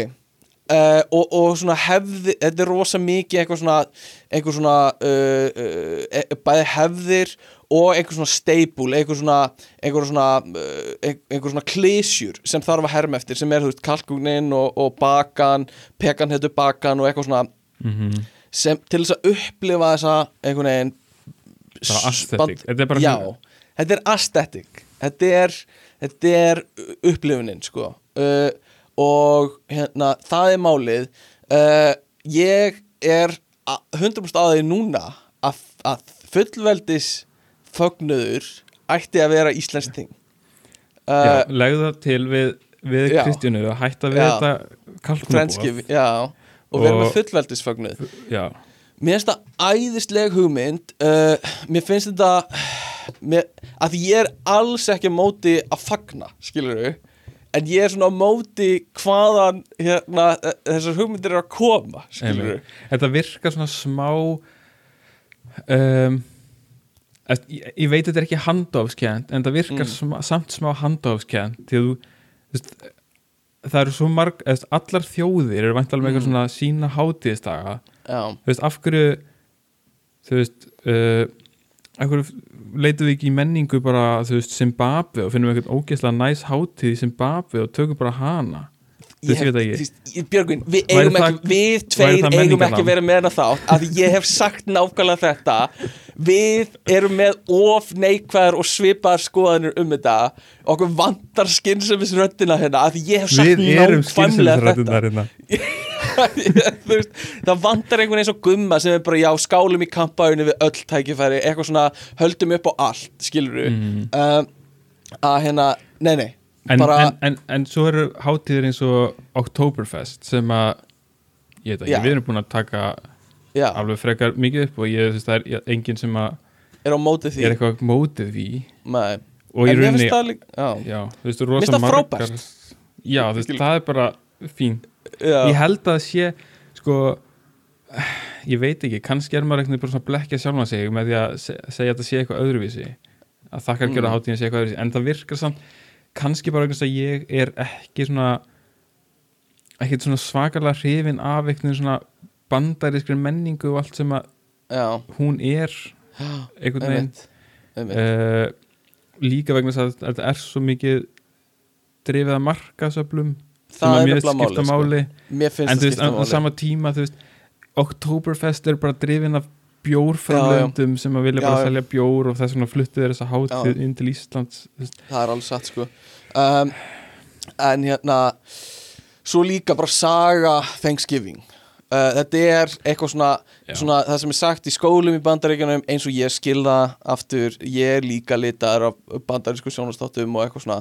Uh, þú veist það er bara eitthvað svona pílagreimanni komu yfir uh, þeir átt engan mat og það var kalt og indjónir indjónir frumbyggja bandaríkjuna kendu þeim að veiða og þeir veittu fullt og áttu mat fyrir erfiða veturinn sem var framundan og þeir buðu indján, frumbyggjum bandaríkjana uh, að koma í veislu til sín. Og þau fögnuðu saman og sagðu takk hvort við annað, takk, takk. Nei, þakka þér, eitthvað svona. Uh, rosa Um, fallegt. sko ég já, þetta er ekki alveg að saman stendur í greininni hans árna á vísindafellum Nei, en svo, þú veist, var þetta líka partur af einhverju stefnu hjá, uh, það var einhver kona sem var að berjast fyrir þessu og svo endaði á því að, að Abraham Lincoln festiði í lög að þetta yrði mm. hátíðadagur í bandaríkjunum til að sameina bandaríkin til að gefa bandaríkjamönnum einhvern svona sameiningar punkt til að ganga út frá. Uh, sem er uh, já já, bara, bara mjög flott skilur við, það er bara mega sense uh, og bara betra en hvert, hvaða annað tilefni að þú veist bara fallegu bóðskapur og eitthvað. En svo er þetta líka tengst þetta mikið inn í eins og þú er búin að skrifa niður hérna, þjóðamorð og nýlendu stefnu uh, bandaríkjana, skilur við, Mhm. þetta var þetta var ekki svona fallegt dót eitthvað svona að hérna pílagrimanir og, og frumbyggjanir þetta var ekki bara svona, það voru allir vinir eitthvað, nei, nei, eða nei, svona allir eitthvað svona, þetta var svona dagurinn þar sem allir sættust eða eitthvað? Nei. Held og það bara, bara ef eitthvað var þá var það bara verið að fagna því að það var verið að útrýma einhverjum frumbyggja flokki og eitthvað uh, dót, Mm. skilur um, en sorry, hvað stendur á vísindavefnum um þetta? eitthvað sem Nei, ég misti það, það var svo sem ekkit að, hérna, æ, það var svo sem rétt í svona stóra atriðum en það var að hérna þeir held sko þau kom hérna, Mayflower skipið kom já, uh, haustið 1621 með pílagrímana. Já, með pílagreimana frá Englandi og hérna uh, en jú, jú, fyrstu vetur var erfiður en svo heldu þeir sko þakkagjörða hátíðina su- eða svona haustið eftir eða í nóvambur á eftir eftir mjög Mhm. góða sumar uppskeru ok, þannig að hérna, þá ákvaður að þakka Guði fyrir alla Ok. hans velgjörninga segir í, í, á vísindavefnum Já. uh, og buðu innfætum eða frumbyggjum að taka Ok. þátt Þannig, og, uh, en svo las ég líka annars staðar jú, að þú veist, einhverjir frumbyggjar uh, höfðu hérna, þú veist, kent Já. pílagríminum að þú veist, hérna, hvaða hvað þið gáttu ræktað og hvernig Já. að ræktað og eitthvað svona Já. en það stóð líka sko að pílagrímanir hefðu sest að í einhverju þorpi já, sem að hafi lagst í eyði eða, einhver, Já. eða einhverju landsvæði þar sem öll by- eða hérna, já, samt, hafi eiginlega bara lagst út af Mhm. frumbyggja byggð út af bara sjúkdómum já. Ég veit ekki, kannski einhver svona innfluttir sjúkdómar sko frá Evrópu. Það er ekki ólíklegt. Þar sem að, sem að bara stráfeldi bara heilan þjóðflokk. Já, nef, einhvern einn gæja já, sem að síðan kendi hérna Á, æðisleg kendi pílagrimunum að rækta og veiða og eitthvað og dó svo sjálfur úr þessum sjúkdómi. Þetta er svona eins og við Íslendingarnir hefðum tekið alla uh, sem komu frá Ítalíu og skíðasvæðunum í Ítalíu þegar COVID kom. Og við hefðum tekið það alla og, og hérna uh, og við beðið þau um að kenna okkur að skíða. Uh, og þau kom með COVID til okkar. Já, er ekki svipað hérna, Jú. Alveg Nei um, En hérna mm, Já, þannig að þetta er ógeðslega flókið og veist, það er búið að einfalda þetta rosa mikið í þetta Já, hvít þó söguna örugglega alveg feikilega. Og þetta snúist bara um að, að vera þakkláttur. Veist, það er búið að svona rýpranda þetta svolítið mm uh, yfir í það. Sem er, þú veist ef að það er, það er bara alltaf skrítið þegar fólk er að kenna eitthvað í skólum sem er, þú veist jújú, jú, ákveðin einföldun á hlutunum uh, en þú veist, er líka oft bara ekki satt, sko. Já, uh, en mér langaði að ringja í vinn okkar Tómas uh, núna í beinni útsendingu. Sjá hvort hann svari, ég veit ekkert hvort hann svari og bara hérna góðan daginn. Sæll og blessaði Tómas. Ætla að blessa Stefa Þetta er uh, í bein útsending hjá ekkert að frétta. Það gaman að heyra. Uh, Við erum að taka upp þátt um uh, þakkagjörða í bandaríkjunum. Já, og mér langaði bara að segja þér og fá viðbröðin við því að uh, ég var að skoða sem sagt uh, uh, svona staðreindir um þakkagjörða og komst að þeirri frábæru staðreind að uh, sem sagt adult male turkey is called Tom. Hvað finnst þér um það? sagði kallast, kallast Tom? Já, fullorðin kalkún, kalkins kalkún heitir Tómas Mér finnst það bara frekar skæðilegt Frábært, takk fyrir það. Við heyrjumst betur er það, bye. Hún fannst það bara freka skemmtilegt og hérna, uh, þetta var svona lítil staðreind um þakkagjörða hátíðina uh, sem var æðislegt. Uh, skemmtilegt. Allafana Þakkagjörða hátíðin snýst um hefðir eins og allar hátíðir. Já, um, Jólin á Íslandi snúast um hefðir, hvað ertu með í matinn? Mjög fyndið hérna, uh, þetta er eitthvað sem ég heyrði hérna, það var einhver sem sagði mér þetta um samstarfsfélagið minn. Um, voru að tala við hann uh, og hérna um, um mann sem vinnur hjá okkur og uh, var spurður hérna og hvað borðið þið á jólunum? Og hann sagði hérna ég bara, ég manna ekki uh, sem er ókýrslega uh, svona skemmtilegt svar sko. Uh, að því það eru allir bara manna það ekki. Að það eru allir með eitthvað á jólunum svona meina hljóma líka eins og hann sé alltaf með það sama en bara maður ekki hvað það Já, er. manna ekki hvað það er. Um, og hérna uh, bara frábært sko. Uh, en, en ég býst við að þakka gjöra hátíðin sé eins. Uh, það er einhver það er einhver fótboltaleikur bandarísku fótboltaleikur. Ekki bara einn, það er alltaf þrýr ok, á, og, og, og þeir bara hérna, byrja sko bara á hádegi og svo bara alveg fram eftir degi. Þannig Já. ef þú ætlar að horfa alla leikina þá ertu bara, þú veist, dagurinn fer bara í það. Sem ég vissum að margir gera.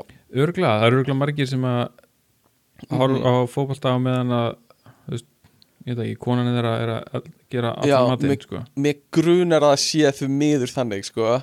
Eitthvað svona, hérna, sorry honey uh, the football is on. Og svo er bara konan þarf að gera allt sko. Mhm. uh, uh, og uh, svo eru skrúðgöngur og, og, og svona svo risastórar blöðrur sem er eitthvað sérstaklega í, í New York skrúðgangan já, sko það er þessi hérna já, Macy's Macy's Thanksgiving Parade sem er Uh, alltaf bara ein stór markasetning þetta er bara Já. ein risastór auglýsing. Thank you.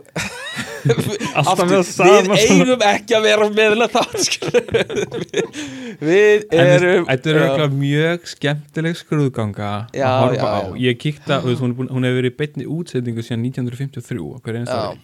Og ég kíkti á eitthvað svona aðeins frá 1960, eitthvað aðeins 1980 Þetta bara virkaði bara mjög skemmtilegt En já, þessar skemmtilegt. rísa stóru gasblöðrur er eitthvað Já. svaka þeng og fólk sem uh, er ekki alveg að sjá þetta fyrir sér þá uh, get ég bent á Spider-Man 1 frá 2002 þar sem uh, Spider-Man var að hoppa á blöðrunum og Green Goblin var að ráðast á hann mm. um, Þetta er stærsta skrúðganga í heimi las ég sko já, eða svona flestir þáttangandur og flestir áhörundur sko aha Aha. Þetta er bara frábært, skilur, þetta er bara eins og bara, þú væri kallaður inn í lúðrasveitina, sko, og þú myndir hérna marsera um, um götur uh, bæjarinn, sko, mm, til heiðurs uh, hagkaupa.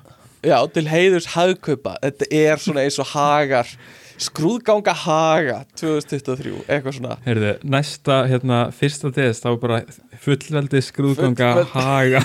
Thank you, beautiful. Og hérna, æðislega getur ekki klikkað uh, og svo kalkun og fylling er eitthvað sem er bara uh, the shit eins og við segjum.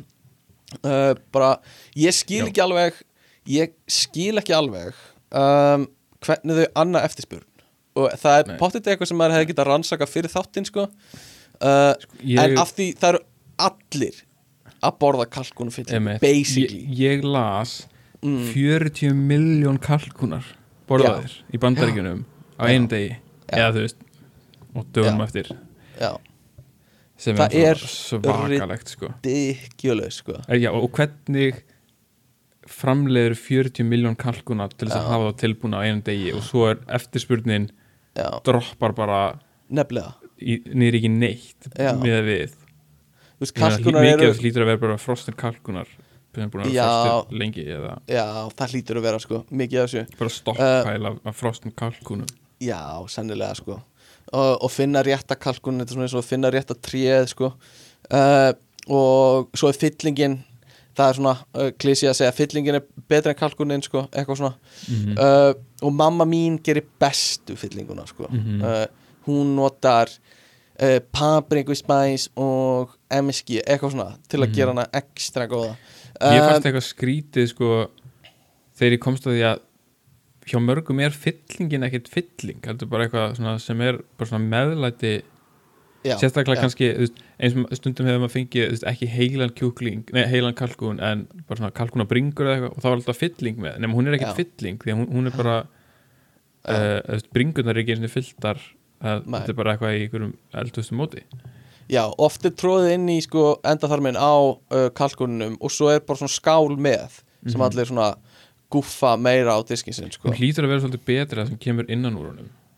Ég hefði sósast. Ímyndað mér það. Já, ég, maður svona, ég hefði haldið það. Uh, Svona, maðurinn er að staðast inn í honum sko.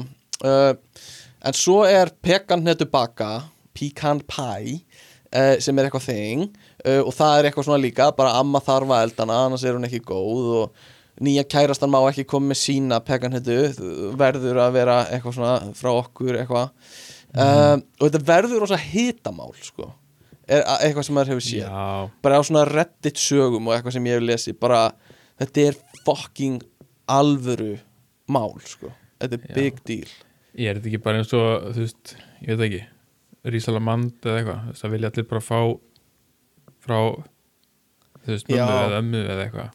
Jó, það er bara sennilega. best og mun alltaf vera best. Já, sennilega sko. Um, Svo, ok Svo er bara að segja takk við mataborðið og það er ofta eitthvað svona well, well við erum með svona hefði í þessari fjölskyldu að áður en við borðum þá förum við hringi kringum mataborðið og allir segja einn hlut sem þau eru þakklátt fyrir. Uh, eins og það sé bara hjá ákveðnum eða eitthvað svona hjá uh, uh, sérstöku fjölskyldum en er ekki allir að gera þetta? Eða þú veist, Örugglega. er ég að missa einhverju? Þú veist Þú, þú að, það sem þú ert að missa af er að þú ert að vitna í bíómyndir og bíómyndir er ekki raunveruleg fyrirbæri 100% og þær eru uh, ég lifi 50% af raunveruleika Þú veist, mínum í ef- ef þú gegnum myndir- bíómyndir. ef þú myndir taka sko svona típist Thanksgiving eða hérna uh, já, svona þakkagjörðar dinner á í bíómynd eða sjónarstætti mm. hversu mörg prósent af bandaríkinum upplifið, heldur að upplifið þennan svo, þennan raunveruleika? Ég held, minn kæri vinnur alveg slatti. Bara sama og high school upplifunin sem er í öllum bíómyndum alveg eins. Og allir high schoolar í bandaríkjunum er alveg eins. Ég held að það sé bara góður hluti af bandaríkjunum og það er þetta þetta að fara heim uh, um hátíðarnar.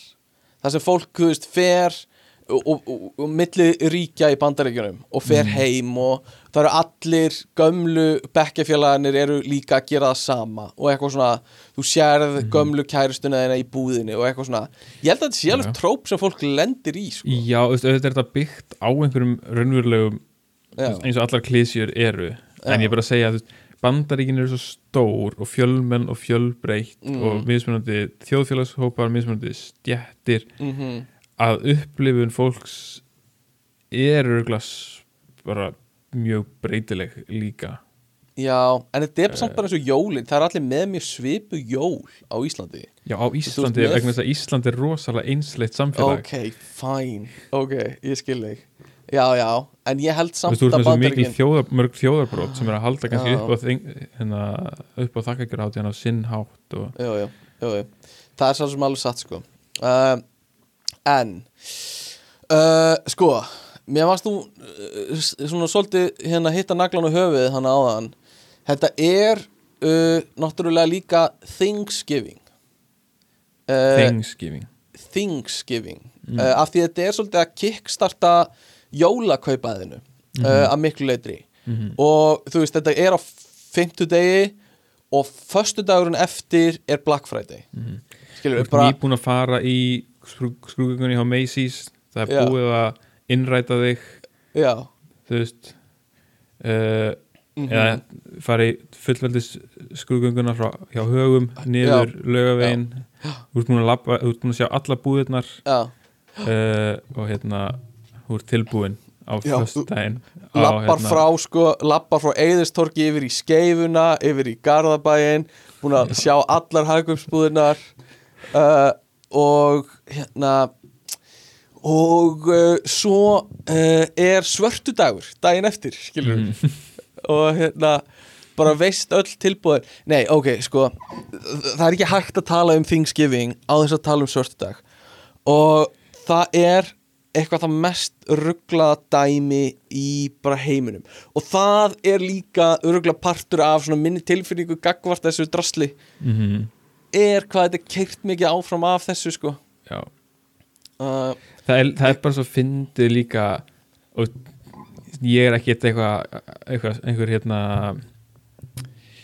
ekkert svaka klára að benda þetta en þú veist, þau ert búin að vera daginn áður og vera bara eitthvað, svona, ég er svo þakkláttur fyrir bla bla bla og svo Já. bara ferðu beint í Bara- einhver heimsenda ástand í, í einhverju best buy eða eitthvað. Bara get the fuck away from, eh, bara íta fólki frá bara ég þarf að fá sjónvarpi eitthvað. En aftur, þú veist, þetta er náttúrulega ekki heldur raunveruleiki þú veist, við, erum, þú við sjáum það versta sko. Já, við sjáum það versta. En þetta er samt alveg stór hluti held ég. Þetta Þú er alveg styrla dæmi Já. og örgulega að fara Black Friday útsölu í bandaríkinum er örgulega Já, talsvert annað heldur en að fara Black Friday í Elko. Já, einmitt. En líka, þú veist, tilbúðin er örgulega líka bara talsvert betri. Já, eða veist, já, þetta er örgulega bara svona 80% afsláttur af einhverju sko. Samsung Super HD sjónarpið Já. 4K þú veist, eitthvað. Einmitt. og það er 100% og, en sum fyrirtæki náttúrulega hækka verði sitt nokkur dögum fyrir eins og hagkaup gerir og hérna lækkar svo aftur á, á uh, singles day eða hvað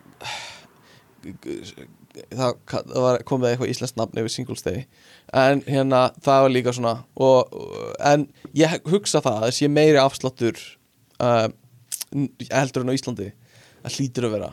Já. það er enginn að missa sig yfir 10% afslætt í Rafa umbóðinu á Íslandi. Eitthvað svona uh, hérna, myndavel að þrýfóturinn er komin á 100, eitthvað, 10% afslátt hlaupa inn.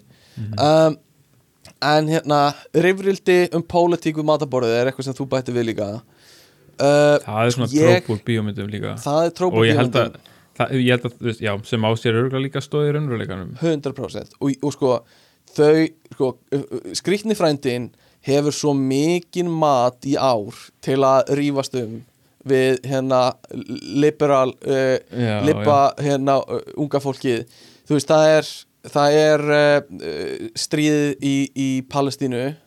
Það er uh, stríði í Úkrænu það Mhm. er hérna allt sem Trump hefur verið að díla við núna upp á Já, síkastið og fórseta kostningar í fórseta á kostningarnar næsta já, uh, það er rosalegt magn af einhverju sem Mhm. er hægt að alls konar svona já, svona woke-ismi sem að hérna uh, svo kallaður sem að uh, er mikið í umræðinni líka.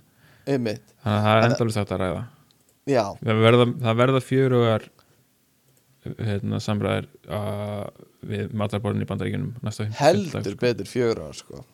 um, þetta verður bara eins og uh, kryddsíldin nei, ég segi svona. Ha ha ha. Um, það væri hægt að gera það alltaf podcasti 40 Eh, miljón kalkunar 40 já, miljón 40 milljón podcast, það verður snild sko. uh, uh, ok, sko. Hvað við að tala um hérna? Um, dæmigerð þakkargjörðamáltíð vorum að fara yfir 40 miljón kalkuna. Uh, svo ertu með hérna vilt, vilt þú kannski bara leiða okkur í gegnum þetta? Já, ég get gert það. Sko, já, fylltur kalkun náttúrulega aðal dæmið en svo er náttúrulega einhverju sem gera eitthvað öðru í sig og sumir gera turdecken þetta er alveg, real, þetta er alveg alvöru dæmi. Já, já, veistu Uh, hvað, hefur heyrt um þetta? er þetta er þetta önd sem er tróðið inn í kalkun næstu því, þetta er kjúklingur sem er tróðið inn í önd sem er tróðið inn í kalkun já, já, já, já, ég held að þetta sé já, já, fylltur já, já. kjúklingur sem er tróðið inn í önd sem er tróðið inn í kalkun er Þetta er, svona, þetta er eh, svona tur sem er turkey, duck sem er duck og svo en endingin sem er já, chicken. Já. þannig ég, ég kalla þetta kalkgöndlingur kalkgöndlingur, já, einmitt. Uh, uh, sem hljómar svolítið já. svo kalgöndlingur en göndlingur, já. Kalkgöndlingur kalkgöndlingur sem að er hljómar bara svo þú veist, er kalkgöndlingin nóg? Þetta er bara, Þetta er- þetta er svona abomination sko. já, þetta er bara svona abomination gegn náttúrun, eða þú veist, þetta er bara Já, þetta er bara svo er- vanvirðing Já, einhvern veginn, þú veist, það, það borða þessi dýr er nóg mikil einhvern veginn vanvirðing við náttúruna. Mest, svona, mætti alveg segja en að tróða hverjum fuggli í þann næst það er bara, já. Og ef við ímyndum okkur að það sé einhvern veginn hægt að persónu gera uh, þessa fugla og þeir eru að horfa á það sem er að gerast um að sjá, þú veist sjá kjúkling vera fylltar af fyllingu og, og litlu kjúklingarnir sem eru að horfa eru bara "Eh, hvað, hvað er að gera og svo sérðu kjúklingin sem er búið að fyll tróða einhverju inn í er tróðið inn í önd og eru bara og litlu andarungarnir eru "Eh, hvað er að gera og svo er einhverju svona stóri kalkunir að horfa og það er svona tróðið inn í kalkunin. Já. Ég átta Mm. mig svolítið ekki á því hvernig þetta er gert, því að ef að öndin er heil er þá þú getur alltaf skorið í gegnum þetta allt. Ef það er bein, bein í öndinni og beinin í kjúklingunum fyrir nema að öndin og kjúklingunum sé einhvern veginn úrbeinuð eða eitthvað fyrir. Já, eða bara, þú veist, tróðið fast sko, bundið fast bara ég sá einhverja mynd þar sem var búið að skera í gegnum þetta virkaði bara eins og það hefði verið veginn alveg í gegn eða eitthvað, það var reyndar ógeðsli mynd sko, já, ég, ég ætla að googla þetta núna. sko. Tördökken Já, já, já, sub, sub, vægast sagt subbulamynd Þú sérð sko lögin. Lögin af mismöndi fuglum uh, já, Já, og þarna er já, þarna ertu með instalægið og svo er búið úrbeina öndina og svo er hún bundin utan yfir og svo er kalkunin bundin utan yfir. Uh, einmitt. En bara hvernig er pláss fyrir þetta allt saman þannig? Þetta er, og svo er svona ég bara stæði að skoða þessar myndir og svo er svona fylling svona bara svona búið að einhvern veginn tróða fyllingun á milli já, allra þess að Þetta er- laga. hérna Já. en örgulega bara fínt að bræðið sko. Uh, já, En, já, eh, örugglega. viðbjóðsleg hugsun, tilhugsun. Um, já, já. Allána, þetta sló mig svolítið út af læginu uh, við erum með kartöflumús. Já, svo er það meðlætið sko. Það er Já. kartöflumúsin, hún, hún verðist vera svona uh, stór þáttur. Sem er frekar skrítið, þetta er bara kartöflumús þú veist, já, hún lítur að vera eitthvað spesial, um ekstra mikið að sigri en sko mamma mín gerir hana með svona frekar grófum kartöfl eða þú veist, stappar ekki alveg niður. Og alveg betra að hafa smá bitar sko. Eitthvað svona, það eru einhver svona skoðanir sko. Allavega, Gr- svo er það bara gravy að sjálfsögðu. Gravy, og, og hérna trönuberjasósa er stórt líka svona cranberry Ég- sauce. Ég hef aldrei sko, gravy, er það bara brún sósa? já uh, sem er samt, þú veist, hún er gerð úr þú veist, svoðinu kjúklingasvoðinu eða kalkunasvoðinu já, og þetta er svona, já. Þetta er bara brún sósa þetta er basically svona já, bara svoð, svoðsósa já, já.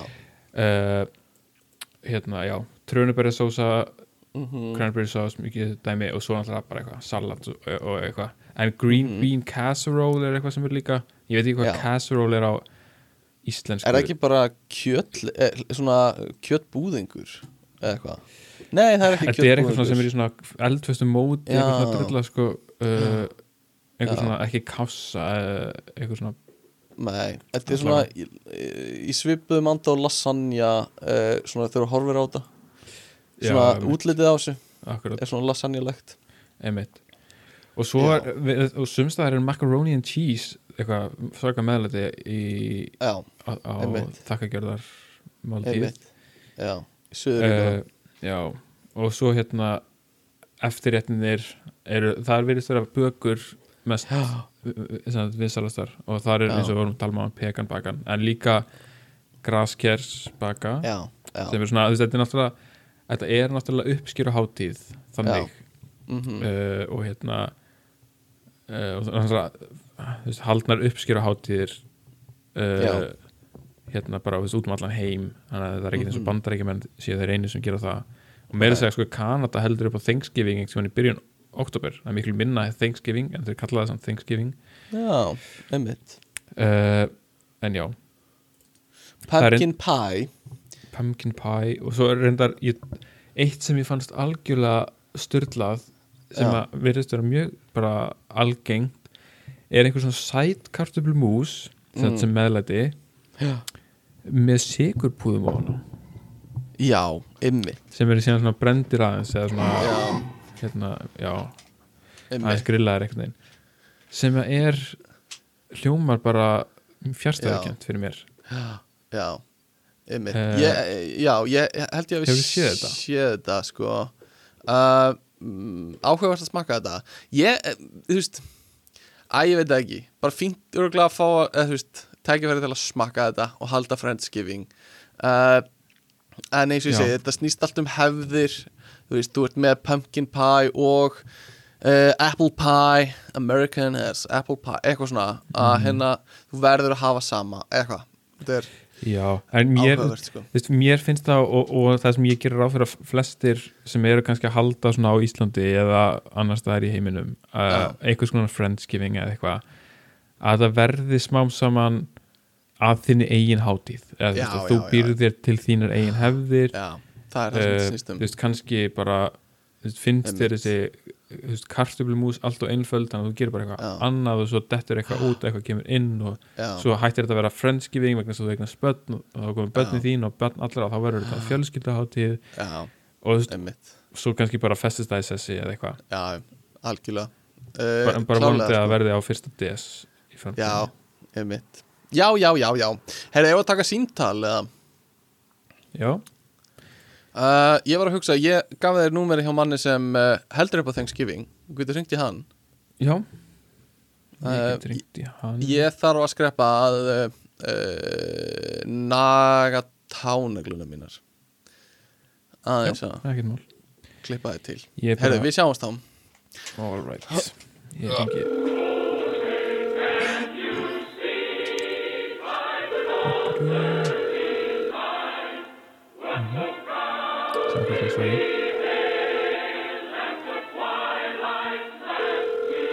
Yes, hello.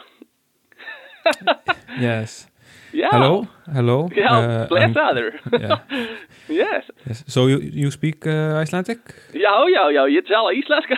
já, frábært Bara eins og mitt annað tungumál. Já.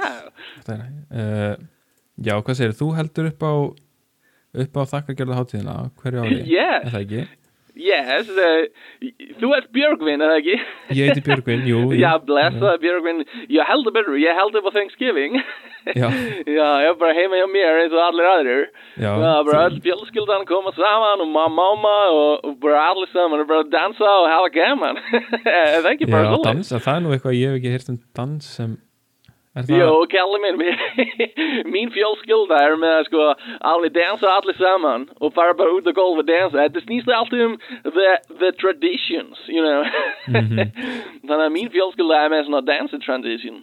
mm Mér heyrist á hreimnum að þú er mitt þú eh, sért þá bandarískur innflytjandi Já, ég Hvað- bjó í Gimli. Ég er svona, ég er vestur Íslandingur. Ég heiti Gunnar Þór Magdaljan uh, og ég bara svona halda í íslenska hefðir en, en með mína bandaríska hefðir líka. er samt ekki Gimli eh, Gimli er í Kanada, það? Gimli er í Canada uh, en ég flutti mjög ungur til Texas í Bandaríkin. Ah, Hlaut að vera, hlaut að vera En þú vil kannski að ég segi þér frá mínum þekkar gjörðar hátíð. Já, ég ætla að spyrja hefð. hefðir hérna eru þinni fjölskyldu Já, ég skal sko segja það minn vinnur. Eh, Þegar við vöknum á litla fjölskyldi morgunin okkar þá eru allir konum með svona lítil mm, pekan neti pakka. Er allir litlu krakkarnir bara eitthvað að naga í pekan neti pakkan sinn. Og það er bara, bara bara í rauninni, basically eins og við segjum, það er það bara lítil pakki sem allir krakkarnir fá og þeir bara pekka nekka lekkert í pekka neti pakkan sinn Ok. skilur mig Og hvað, er þetta eitthvað svona eins og eitthvað svona smókjöf á aðfangadagsmorgun eða er þetta bara, hvað, Þetta er bara eins og? Christmas morning day, you know. Þegar allir vakna saman og allir með lilla pekan hér í pekkansin og þeir bara opna pekkan og það er yfirleitt eitthvað svona fallegt í pekkanum eitthvað svona eins og eitthvað svona eins og uh, ter- traveler you know, scarves. Mm. That's a very, that is very mjög important tradition in, í mín fjölskylda Það er Thanksgiving uh, scarves Þannig að það er bara uh, fá allir nýjan trefil á hverju ári. Eitt nýr travel in the uh, uh, every year uh, þá ferðu ekki pekan neti köttin mm.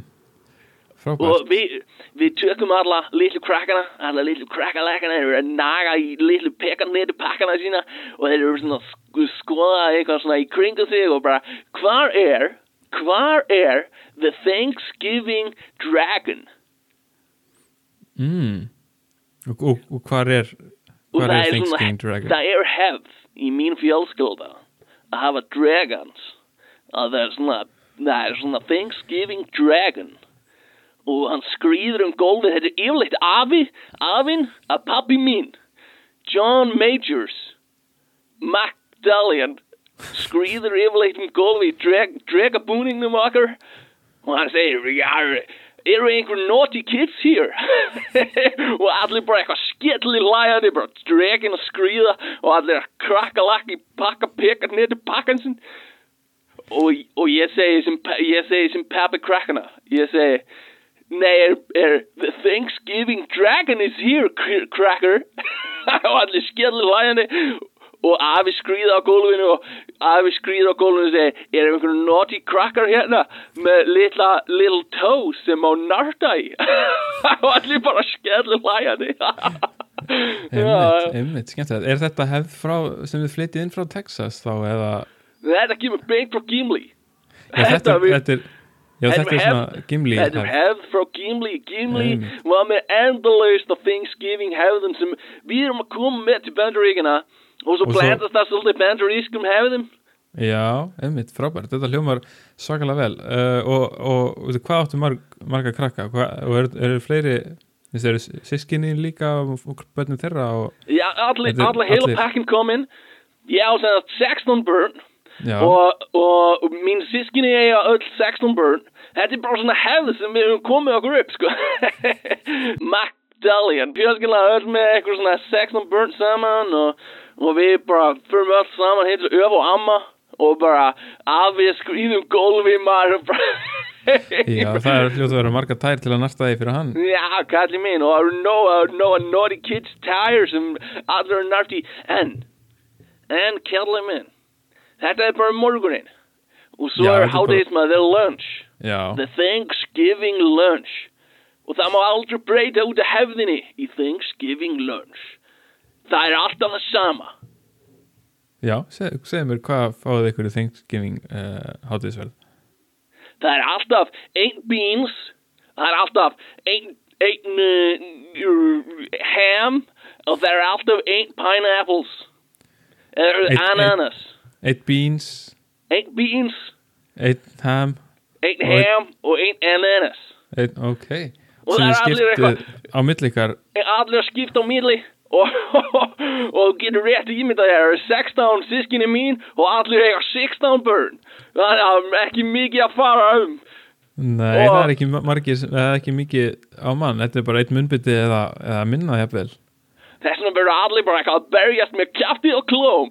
Og og litli Thanksgiving Dragon hann er að skrýða að gólfinu og bara að narta í litli börni sem fá enga, enga mat uh, Já, einmitt, en en hvernig er þetta þá kvöldin í, í kvöldmatnum ef að ef þú ert með hérna svona mikið af fólki? Eða ef að afiðin er með svona mikið af fólki í heimsókn?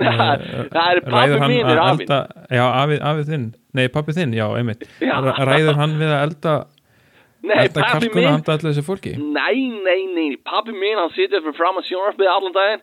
Það er svo gott sko, um hádegismat Þá hætti hann að vera dragon Hann sest í stóra stólinn sin Hann má enginn setjast í stólinn og safa Það vita allir, það stendur í stóru skilti. No sitting in grandpa's chair. Og allir alltaf að hlæja eitthvað rosa mikið að þessu maður. Bara afi á stól. Og svo Hljómar setjast þessu stór skemmtileg fjölskylda sem að sem að Já, þú átt þetta er- þetta snýst allt um the traditions, you know.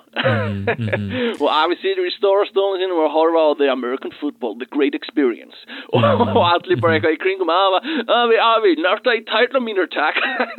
og afi segir bara nei, það er fótballtími, það er Já, já. football time. Næst tími var, í, has mo- var um morgunin og Já, einmitt. the Thanksgiving dragon is retired segir afi hann segir alltaf svona hann horfir alltaf í augun og krökkunum og hann hann segir alltaf svona the dragon is retired og allir krakkarnir bara eitthvað krakkalakast með pekan neitt um pakkana Vá. já, þetta er ó- Geggjað. ótrúlega gaman sko. Geggjað. þetta er virkilega gaman og mér langar rosa mikið að koma með þessa hefðir til the Icelandic people Já, ég held að Íslendingar sé mjög móttækilega fyrir öllum svona öllum hefðum Getur og, og, Getur og þú ímyndað þér litlu, sætu litlu krakkalakkana og svo er the Thanksgiving draggy ég meina þetta gæti verið dragging frá the, the, the, con- the, the, the land guards you know the Já, landvættunar, Bergrisin einmitt the landvættur Já, yeah, já. you know og Einmitt. dragging the Thanksgiving draggy þess að skrýða á gjörðinni og afi með litla skallablættinu sína nei ég segi svona það er ekki Já. allir afar með skallablætti you know einmitt. En amma, er hún ekkert að taka þátt? já amma mín, uh, mamma mín hún er down Á, hún er dán, ok En áður, eða, hva, var hún með eitthvað hlutverk? Var hún, þú veist, eh, hefðu, gæti hún gæti ömmur Íslendinga verið eh, bergrisinn eða, ja, eða, sko, eða, eða nautið eða örnin? mamma mín hún var rosa mikið inn í því, you know, hún var rosa mikið bara einhvern veginn með afa mínur sat alltaf í fangina á honum Satt í fanginu á afaðinum hún sat í fanginu á afa og afi, afi var búinn að segja Grandpa is retired. Og amma kemur hlaupandi og skellir hlægandi beint upp í fangi og afa og segir Amma is líka retired kids. Ok, og og hver svo sér snýrst lá- allt um nei, það snýrst allt um að amma var að blása kossum til litla krakkalagana. Mm. og afi segja afi retired og amma blása litla kossalossunum sínu til litla krakkalagana. Og allir bara skellir hlægandi saman með og bara Frábært. ógleymalegt lemur segir eitt Já, sem- ógleymaleg stund þegar mamma mín satt upp í fangin á pappaling, pappaling Mhm. hún satt svona hún satt og horfði horfði á alla litlu krakkalakana og segi við segi við á minn I'm thankful for this this is what I'm thankful for our family our trust our ours is the greatest in all the nation en allir bara skellu Já. hlæjandi Frábært. Mjög djúp, Já. djúbstætt Já, hérna, og, og rosalega- virkar eins og og bara mjög rosa náinn fjölskylda. Já, svo dó hún bara stuttu sinna Já, æ, samfríkist innilega. Já, En sem er, reynd hérna ef þú átt 16 börn Já, og, og sískinni eiga 16 börn þá yes. hljó- hljóta nú að fara að koma eitthvað svona barnabötn í, í mixið. Er þá, er, er þú dregin bráðum? Já, Tekur þú bráðum í hlutverki drekans? Nei, getur nú engin verið sami Thanksgiving Dragon og Papa bara Nei, nei, það fyrir kannski að byrja að því sko. Maður þarf meira að fara að hugsa um að kaupa sér dragabúningin og, og eða bara sauma sin eigin og ég er ekki viss um að pabbi vilji fara burt frá dragonum sko. Pabbi minn sko, hann er elskar þetta svo mikið sko. Það er kannski Uh, ekki mikið sem hann hefur að halda í lengur bara, það er þetta er kannski aðal svona Já, pabbi minn hann. drekkur rosa mikið að þeir eru ekki Thanksgiving, sko. Þetta Já. er rosa erfið tímar oft saman, sko. Mm, Uh, en þess vegna er svo gott að sjá hann skrýðandi um gólfin. mm, Og hann, hann Einmitt. hefur svo gaman af því að Einmitt. fara klukkan 6 á morgununa áður en nokkur annar maður er vaknaður. Áður en krakkarnir er vaknaður. Og hann fer á gólfið bara eldsnema og skrýður um í marga klukkutíma. Já, áður en Hann fólk elskar vaknar þetta. Áður en að fólkið vaknar. Hann elskar þetta. Þetta er, þetta er tradition. Já, Og hann segir, you're keeping a close watch on the house. Hann Mm. segir þetta við mig. Ég fór einu sinni Mm. fram úr, var að pissa. I had my little pee, you know. Og ég Mhm. sá pappa minn. Klukkan 6.30 in the morning. Og var skrýðandi um gólfin. og var bara skrýðandi. Og ég Já, sagði, bara pabbi koma sér minn, í karakter uh, maður er ég bara mjög sagði, "Papp- skiljanlegt Pabbi minn, pabbi minn, I said, Dad, what are you doing? Mom's dead. You don't have to do this anymore. I, ég, ég sagði eitthvað svona við hann mm. og hann sagði, I am the Thanksgiving dragon. Don't take this away from me. Let me crawl. Og ég var bara eitthvað skellir lægjandi yfir þessu öllu saman. það var svo gaman maður. einmitt, skemmtilegt En, en í- svo borðum við alls saman um kvöldi og ég vil eitthvað bara stundum er bara ég alltaf eða kona mín eða eitthvað af sískinu mínum Mm. Yfirleitt, erum við bara að fylgja uppskriftinu sem amma skrifaði, mamma mín. Já, hún skrifaði niður uppskriftina. Hún satt upp í fanginu á, á pappa mínum. Og hún sagði cracker, kids my kids, this is the most important thing I will ever leave behind. She said that, hún sagði þetta meina ég. Og, og þetta var svo fyndir og rétt okkur bókina við vorum bara skellis lægandi og bara kr- krakkarnir bara borðað að peka niður og eitthvað. En nú eru þið mikið hefðar hefðar fjölskylda, ef svo má segja. Já, ég maður segja, hérna, það má alveg segja það, sko, það má Já, segja það má segja það. Já, maður, það má, sko. er, er kona þín í, í fanginu þínu, svona eins og amma þín í fanginu af afa?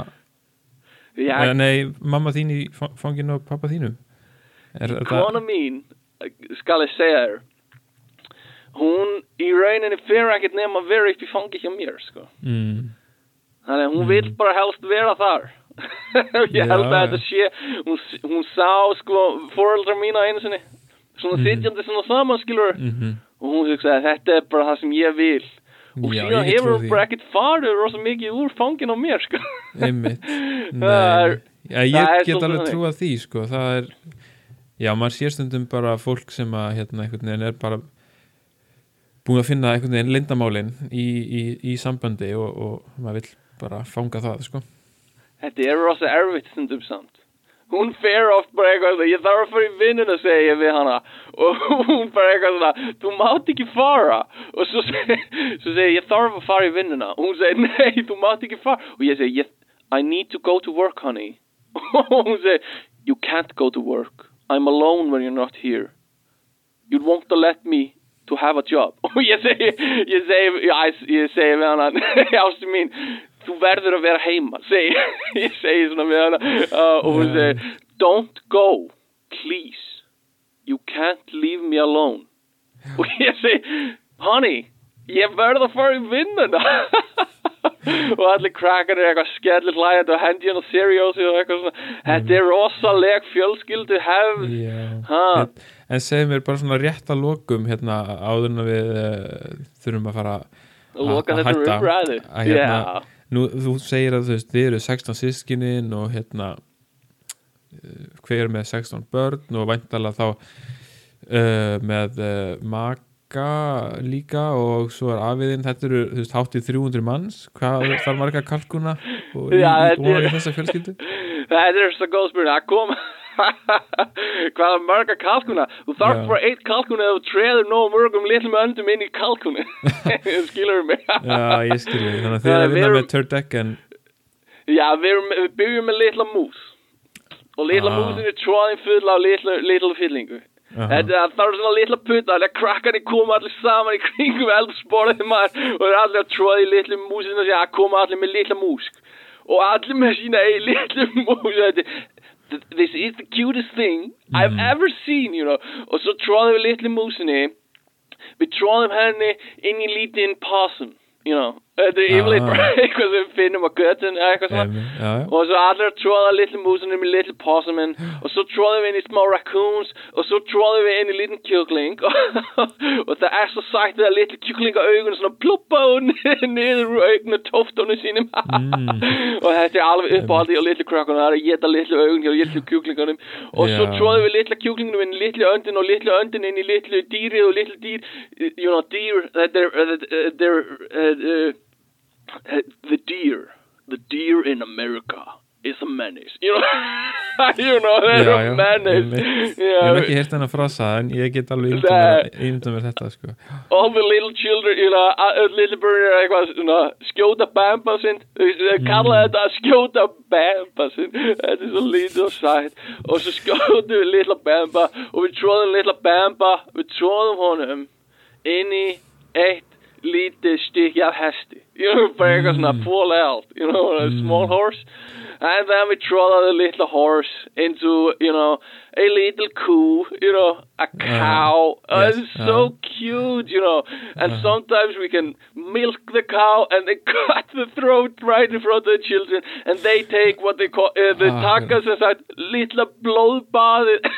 Einmitt, It's a ok, litla ég held að, hérna, ég held að við séum búin að þetta heyra nóg frá þessu Svo einmitt. tróðum við kunni Einmitt, inn hérna, um ég held að fyrir kannski fyrsta bara ættum að endandur fara og, að, og eh, allir skellilæðið og kalpa Hérna, litla við bara, pekanir ég þakka þér bara kærlega fyrir, fyrir Já, þetta. þetta fór svolítið hérna út um þúur í lokin en, uh, hressasti kall, ég náði nú ekki nafnin á hannum en, en hérna hressasti kall nei Einmitt, ég minnir hann hafa eitthvað Gunnar eða eitthvað uh, Það var Já. alltaf nafni sem ég fekk með Já, símanúmerinu einmitt uh, Og æðislegt Þetta var bara vonandi fenguð einhver svona upplýsingar um hvernig uh, Thanksgiving er í bandaríkjunum um, Já, og Kanada líka, einhverja kanadískar hefði sem að hafa Já. aðlæðist þarna með sko. Einmitt, einmitt, hann er frá Gimla einmitt sko uh, Allavega, uh, við erum búin að tala um meir og minna allt uh, nema kalkuna keilu uh, og kalkuna frelsun? Já hef, Ég fann bara einhvern lista með svona fárlegum kalkuna hefðum. Nei, ekki Mm. kalkuna hefðum En jú, kalkuna hefðum, uh, þakkargjörðar hefðum. Já, Og eitt af því er kalkuna keila já, sem er basically að spila keilu með frosnum kalkun ok Ok, sem er, virðist vera bara mjög víða í bandaríkjunum gert. Oft eitthvað svona, svona góðgerðar dæmi já, uh, og það er bara það er svo uh, ok, sorry, sorry, ég verð að stoppa fyrir, Kalkuna keila, er Já. það að spila keilu með kalkunum fyrir já, í staðan fyrir kúlu sko. Kúlu. Og svona, Og bara- svona, svona hefðin er að, að nota bara sko plastflöskur, bara kókflöskur fylltan með vatni sem, sem sko keilu pinnana, keilurnar. Já, uh, en ég sá einhver myndbönd þar sem fólk var uh, bara með alveg svona keilur. Já, og var að spila einmitt oft sem einhver svona góðgerðar einmitt. dæmi. Og, og þetta, það er bara svo skrítið að horfa á fólk slengja kalkún Já, já, já, já, keilum og not- nota kalkún já, eitthvað svona uh, er engin virðing borin fyrir lífi Bara dýrsins sko. ekki- neitt, arða bara, og, þú ert ekki bara matur og næring fyrir mig þú ert afþreying þannig að ég geti skelli hlegið yfir hvað þú ert að gera hvað ég er að gera að þér sko, hérna, eitt myndbæði sem ég horfði á það var eh, hérna veistu, það var einhver svona matarsöfnun í einhverju svona litlu þorpi eða einhver svona litlu samfélagi í einhverju mm Mhm. Þa, og þannig að það var svona fólk kom og einhverjir komu með einhvern mat sem við gáttu gefið sem Mhm. að síðan var deilt út til uh, einhverja sem áttu ekki efni á mat. Já, og það kom fram sko að kalkunarnir sem voru notaðir í kalkunarkeilunni þeir verða síðan gefnir. Ok. Líka. Ok. þannig að það, það, þeir fara ekki til spillis Nei, nei, nei. Þannig að það er einhverjir hefnir sem fá að Já. gæða sér á honum eftir að hann er búin að renna eftir einhverju íþróttagólfi mm, mm, mm, einhverjum hæskúl sko. Æðislegt. Uh, já, bara spritta, bara spritta nú eftir Mm. nótkun um, og síðasta er the, the, the Turkey Pardon. Mm -hmm. og það er bandaríkja fórseti pardonar einn kalkuna ári sem þarf ekki að drepa eða eitthvað svona. Frábært, Ó, frábært. Heppin einn af þessum já, ekki einn af þessum 40 miljón kalkunum já, það, Eh, já, þetta er bara hverju einsta ári. En samt, fyrst þú veist, það hefur ekki alltaf verið sko að, að kalkunin hafi fengið að lifa veist, einu sinni var þetta kalkunin sem var síðan slátrað og var síðan borðaðir í kvítahúsinu held ég sko. Ok, einhverju svona þakkagjörða dinner þar. Ok. En svo fóru einhverjir sem tóku upp á því að ég man ekki hver gerði það fyrst svona í nú, nútímanum uh, hvort það var Kennedy eða eitthvað. Já, hann pardonaði kjúklingi kalkunin og svo bara í staðin er eitthvað annar kalkun borðaður í matur æði, það er frábært. Um, tökum smá leik. Uh, við erum konum með Unu uh, með okkur hérna í komin í Afsaki mig. Una Torfadóttir, tónlistakona Þú ert ætlaði er að það ekki? Uh, hérna, já, þú ætlaðir að vera Ég ætlaði að vera fyrsta unan en síðan kom una torfa, una skram og God damn it. Ok, stefnir í þú unir þessu ekki Æ, já, já, ok, fuck it. Uh, Ekkert svona, uh, við ætlum að taka smáleik Við fengum unu til að vera með okkur Því annars hefði Björgun verið bara að keppa við sjálfa sig Og eitthvað, það hefði verið mjög leðilegt uh, Þannig að una kærastannars Björga er með okkur. Uh, Eða Björgvin, kærastinn hennar unu er með okkur. Og uh, við ætlum að spila smá Svona family feud, ég veit ekki Þetta er fjölskyldu rifrildi eða eitthvað svona uh, leikur. Sem snýst út á það að ég ætla að spyrja þau einhverju spurningu og það er búið að spurja þessari sömu spurningu að venjulegu fólki sennilega í bandaríkjunum eða eitthvað uh, og búið að setja saman fullt, fullt, fullt af svörum uh, og hérna við vitum þá hvað eru fimm topp mög, mögulegu svörin við þessum spurningum. Og Bjöggi og Una ætla að reyna að giska á þessi topp 5 svör. Þannig að þau eru ekki að svara spurningunum fyrir sig heldur eru þau að reyna að svara spurningunni hvað venjulegt fólk uh, myndi segja við þessari spurningu. Uh, og ég er með svona Thanksgiving þema og við ætlum að skiptast á. Ég ætla fyrst að byrja Björgvinni og hann ætla að reyna að giska á topp svarmögulegan við þessari spurningu. Ef hann nær því þá má hann halda áfram að giska. Ef hann nær því ekki þá fær Una að, að svara.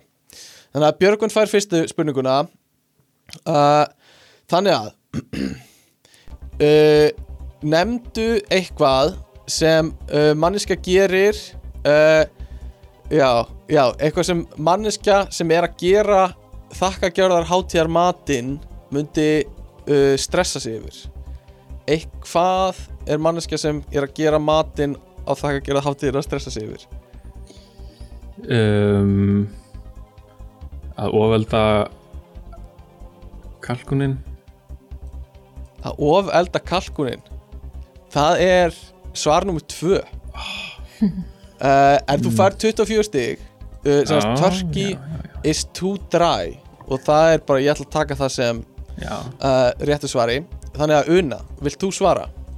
Úf, ég veit ekki neitt um þakkagjörð á hátíðina sko. en þetta snýst um bara já, elda. Um, um að elda, bara um að elda já, mm. þegar þú ert að gera þakka að gera hátíðina en þú getur svona sem ég ímyndaði bara svona veislumat um, Eru þið ekki með eitthvað svona centerpiece sem þið nota? ok, Kalkunin Ég veit ekki er hvort það sé matur. centerpiece. En- Eh, eða hvað mennur með sent Ég er bara að horta á eitthvað sjómarsefnir og bandaríkjum og þau eru alltaf að stressa sig yfir einhverju centerpiece ok, ég ætla bara að gefa þér það er að þetta snýst meira um svar. mat uh, ok. Ætla að segja að, Ég að, ætla að segja að stressa sig yfir centerpiece. Ok. Uh, það er ekki rétt. Nei, auðvitað þannig ekki að Björgun, þú fara aftur möguleika á að giska á eitthvað. Um, það hlýtur þá að vera er ekki kalkunin ofeldar hvað gæti verið mikilvægur en það Hvað gæti verið mikilvægur en það? uh, er ekki bara að segja að að það sé ekki nóg af mat? Uh, að, nei, það er ekki, ekki Mat. og ég ætla að gefa Unu einn möguleiki viðbót á þessa spurningu. Annars segjum við að þið hafið ekki náð að gera meira. Oh, og við förum í næstu. Ég bara, oh my god Hvað ekki getur farið neitt, úr sko. skeiðis þegar þú ert að elda? Er kannski eitthvað sem að Að kveiki húsinu Ok, ég ætla að gefa þér þetta Þetta er burning the food uh, Ó, ok, e, e, já Þannig að bara, Maður ef við er ekki einföldum aðeins svarið þá bara burning the food, það er geggjað uh, Það er númer fjögur, það eru 14 stig Þannig að Er það ekki Björgvin- samt að ofelda matinn? Er það ekki svona það kannski sama? ja, skrifið lengra Ah, ég líka Uh, sagði sérstaklega kalkunin sko. Já uh, Þú sagði sérstaklega kalkunin En þetta er bara matinn yfir höfuð. Uh, Viltu giska, taka annað gisk? Síðasta gisk á þessari spurningu? ég er góð, en Björgvin, þú múr físka Æ, vill ekki, vill Nei, ekki ég bara, ég þetta er ekkert í hug Ok, ok. Uh, Björgvin fær ekki að hérna uh, við giska erum aftur, hann er kepp, ó, erum búinn við í keppni? Þeir eru í Mm. Við keppni erum sko. ekki í samvinnu. Nei, nei, nei, ekkert svo leiðis um, Ok, ok Name, ok, nefnið eitthvað Þetta er fyrir þiguna. En byrju, hvað var svarið? fáum ekki að vita hvað var efst Já, vil ég, já, vita restina Ok, jú, Já. það sjálfsögðu. Uh, Það er, efsta er að allt sé að gerast á réttum tíma að ok, að allt sé tilbúið á réttum tíma veist, þegar klukkan 6 eða eitthvað þegar það á að borða. Uh, Alright. Svo er uh, kalkunin er of þurr kalkunin er of lítið eldaður undercooked og overcooked uh, brenna matinn og síðasta er að muna eftir því að þýða kjúklingin kalkunin. Já, kalkunin, Já. hann er á einhverju uh, tungumáli og muna eftir að þýða þýða. Mhm. um, ok, þannig að Una, þetta er fyrir þig. Ok. Nefndu eitthvað sem þú ert þakklátt fyrir. Hvað heldur að fólk segi? Almennt. Fjölskylduna mína Fjölskyldunni er rétt svar. God damn. 79 stig. Ok, Yes. þú fara að giska aftur. Ok. Um, Vini mína. Vinina uh, Það er númer 5 Þú var 3 Fimm? stig fyrir það. Ok, Ok. Og meira? Á ég gera meira. Já, bara þangað þegar þú klikkar sko. Um, uh, Eitthvað sem að Samfélagið. Samfélagið, the community er ekki á listanum. Björgvin, vilt þú stela? Ég var að segja heilsu. Góða heilsa? heilsu, Það er nummið þrjú, það eru fimm stig. Ha, fimm stig? Og eitt eftir. Númer tvö er eftir. Hvað var númer? Eitt var fjölskylda, Já. þrjú var heilsa Fjögur var, já, fimm var vinir Fjögur er eftir líka, ég er að taka eftir núna. Ég ætla að segja, má ég giska? nei, á á ég, á Björk, ég að gera aftur? Já, þú ert að gera, þú ert ekki búin að gera. Ég, Já, jú ég sagði góð heilsa. Á ég gera ó, já, aftur? já, já, já, þú ert að gera aftur. Þú gerir þangt á klikkar, sorry. Ok um,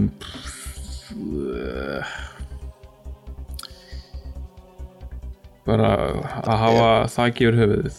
Æsi spennandi. Já, ég ætla að gefa rétt fyrir þetta Það er heimili, home. Mm.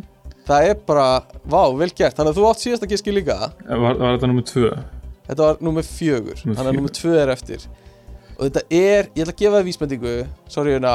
Uh, Þetta er í bandaríkjunum uh, Og þetta er mjög bandarist Ah, ég veit þetta.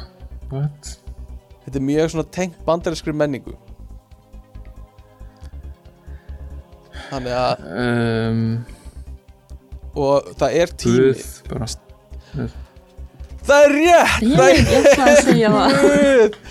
Þakklátt fyrir Guð. Ég verð, ok.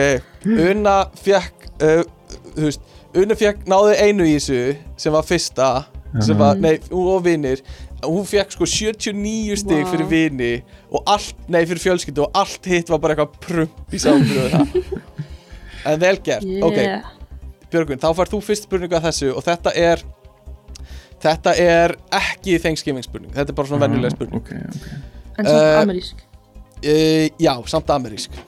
Þannig að hvar mynduru uh, fela eitthvað sem þú ert að reyna að smigla inn í fangilsi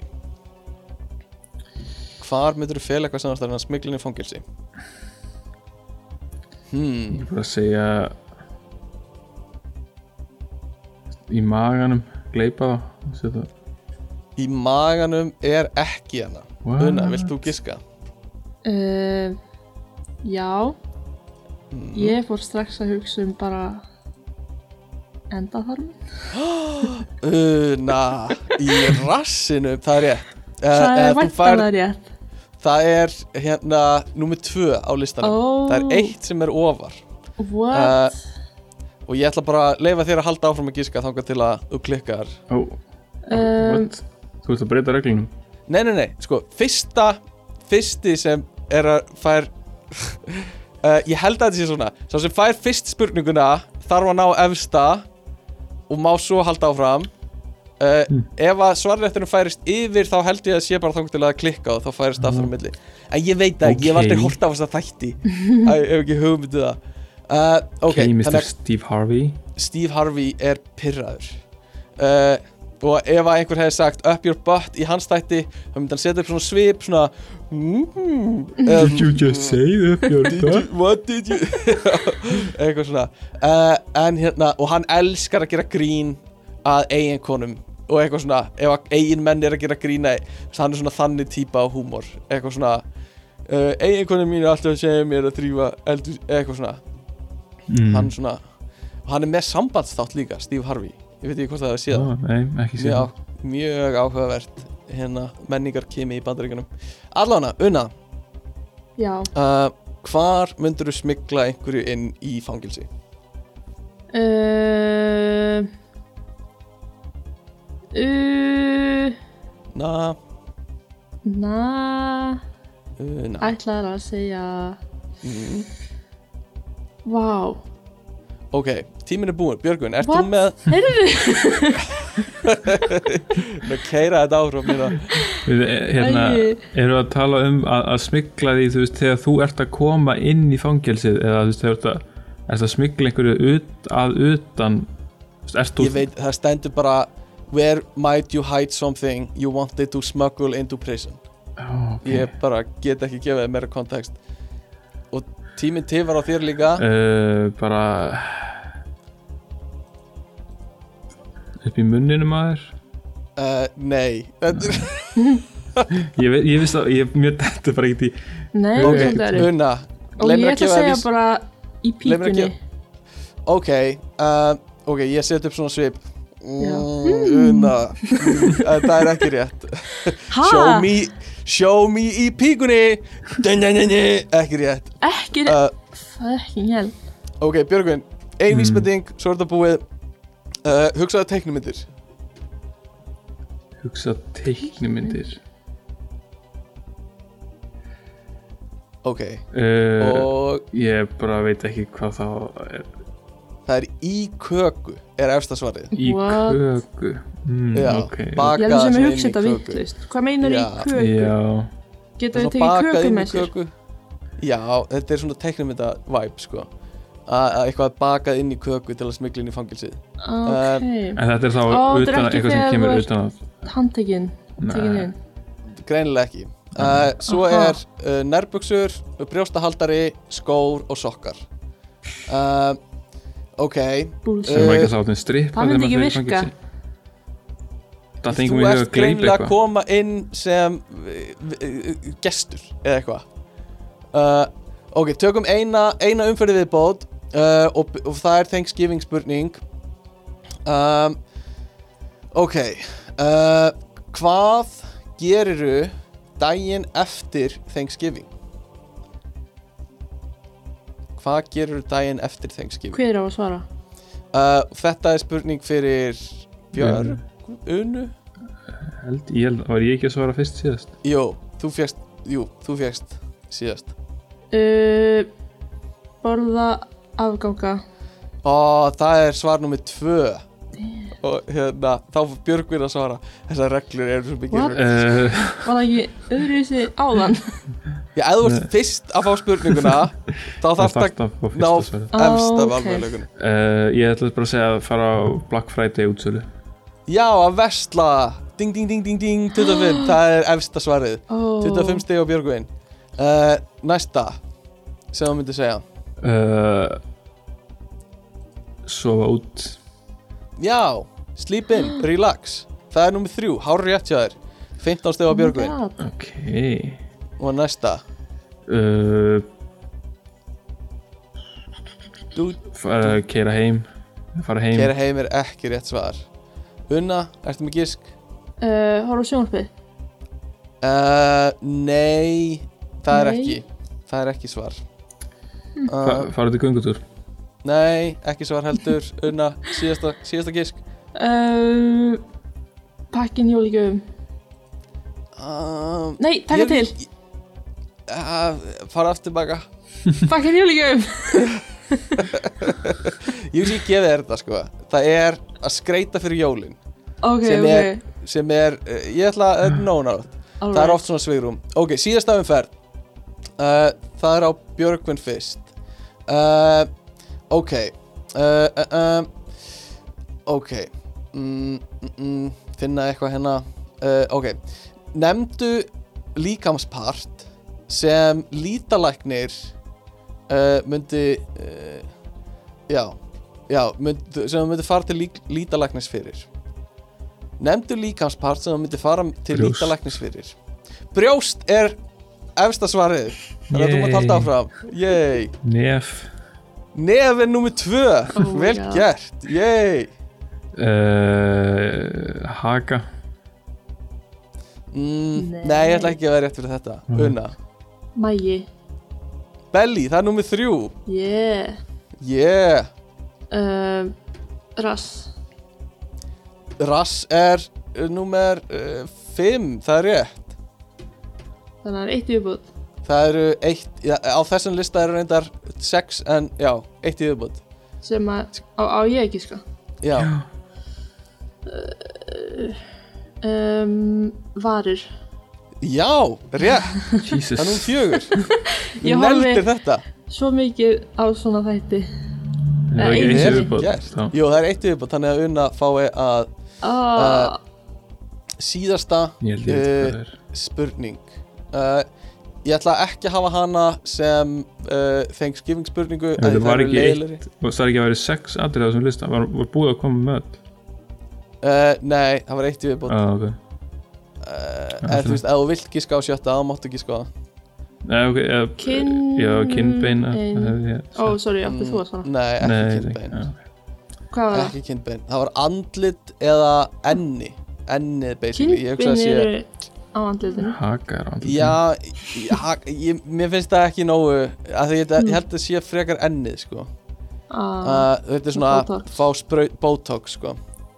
um, Einmitt, einmitt uh, Ok, sorry, uh, síðasta spurning Una uh, Hvað myndir þú gera ef þú myndir erfa miljón dólara 150 miljónir króna og þetta er Uh, aftur ok. ekki það sem þú myndir gera heldur Já. það sem fólk svaraði Takk fyrir að minna mig á það. Já, uh, Hérna Borga niður einhver lán.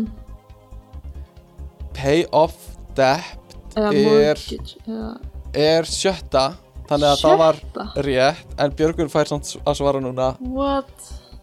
nummer 6 Já, uh, Kaupa hús. Uh, nýtt hús er nummer 3 hár rétt uh, Nýr bíl nýr bíl nummer 2 það er rétt. Gefa í góðgerðarmál. Ah, ah, þú er ómikla trú á mannkyninu það er ekki rétt. Una, Æ, æ, Um, gefa fjölskyldu eitthvað? nei, ekki gefa fjölskyldu neitt. Ok, síðasta svar, Björgvin. Uh, Bara Ferðast. Vacation það er nummer 4 það er rétt. Með fleiri gisk. Það er ennþá efstæðar eftir. Uh, Hvað er það fyrsta sem þú myndir gera? Þegar þú færið fullt af pening. Og þú ert venjuleg manneskja í bandaríkjunum. Fara í nei, Casino en ekki Alltaf ekki segja það? Nei, ég held ég hefði ekki sagt það. Ok. Uh, En ég er samt ekki með neitt uh, Ok. Og tíminn er búinn. Það er að hætta í vinnunni er efsta svarið. Mm, og svo er ok. drugs og invest Drugs? og nýr bátur er, ég er pæla í- svörin um, Ok, þannig að ég Oh ætla að reikna stígin ykkar Við erum með niðurstöður og uh, Una var með uh, 201 stig og Björgvin var með 177 þannig að Una vann þetta. Yes! Til hafingju Una fyrir að vinna. Takk fyrir að vera með okkur í leiknum hérna í lokþáttar Já, bara Uh, takk sem leis til hamingju með að vera uh, besti family futureinn hérna á svæðinu uh, og bara vona að unna torfa uh, hætti í tónlist og þú fáir að uh, Nei, nei, nei, nei. vera unnan í tónlistinni. Við segjum ekki svona. Nei, Við ok, hugsim bara svona. Við hugsum bara svona. Ok, segjum það ekki upp átt uh, Frábært. Um, Þannig að ég held að við getum bara að fara að loka þessu tækti Björgvin. Uh, mm, Þannig að ég segi bara takk fyrir að hlusta þeir sem hlustuðu, takk fyrir að hafa samband ekkert að frétta gmail.com og ekkert að frétta á Instagram. Takk fyrir að segja vinum eitthvað frá podcastinu uh, ef einhver hefur gert það. Um, Rauðin dagsins dag var vatn og styrtar alveg þáttar þessi dag voru blöytþurkur uh, uh, eða þreyttur á þurrþurkum blöytþurkur uh, með minnir að það hafi verið slagur sem venduðum á. Já, og eitthvað í þess að eitthvað í þá áttina og uh, já, bara vonandi halda uh, margir upp á Friendsgiving. Uh, Björgvin er að fara að dæma ykkur en ég ætla ekki að dæma ykkur. Mm, þannig að bara go nuts. Uh, já, eitthvað meira, eitthvað frá ykkur. Hvað sem þið viljið segja í lok þáttar? Ég held ekki, ég held sem bara komið nóg af þessu. Já, ég held það líka. Ok, uh, þá segjum við það. Uh, bye bye. Bless Bye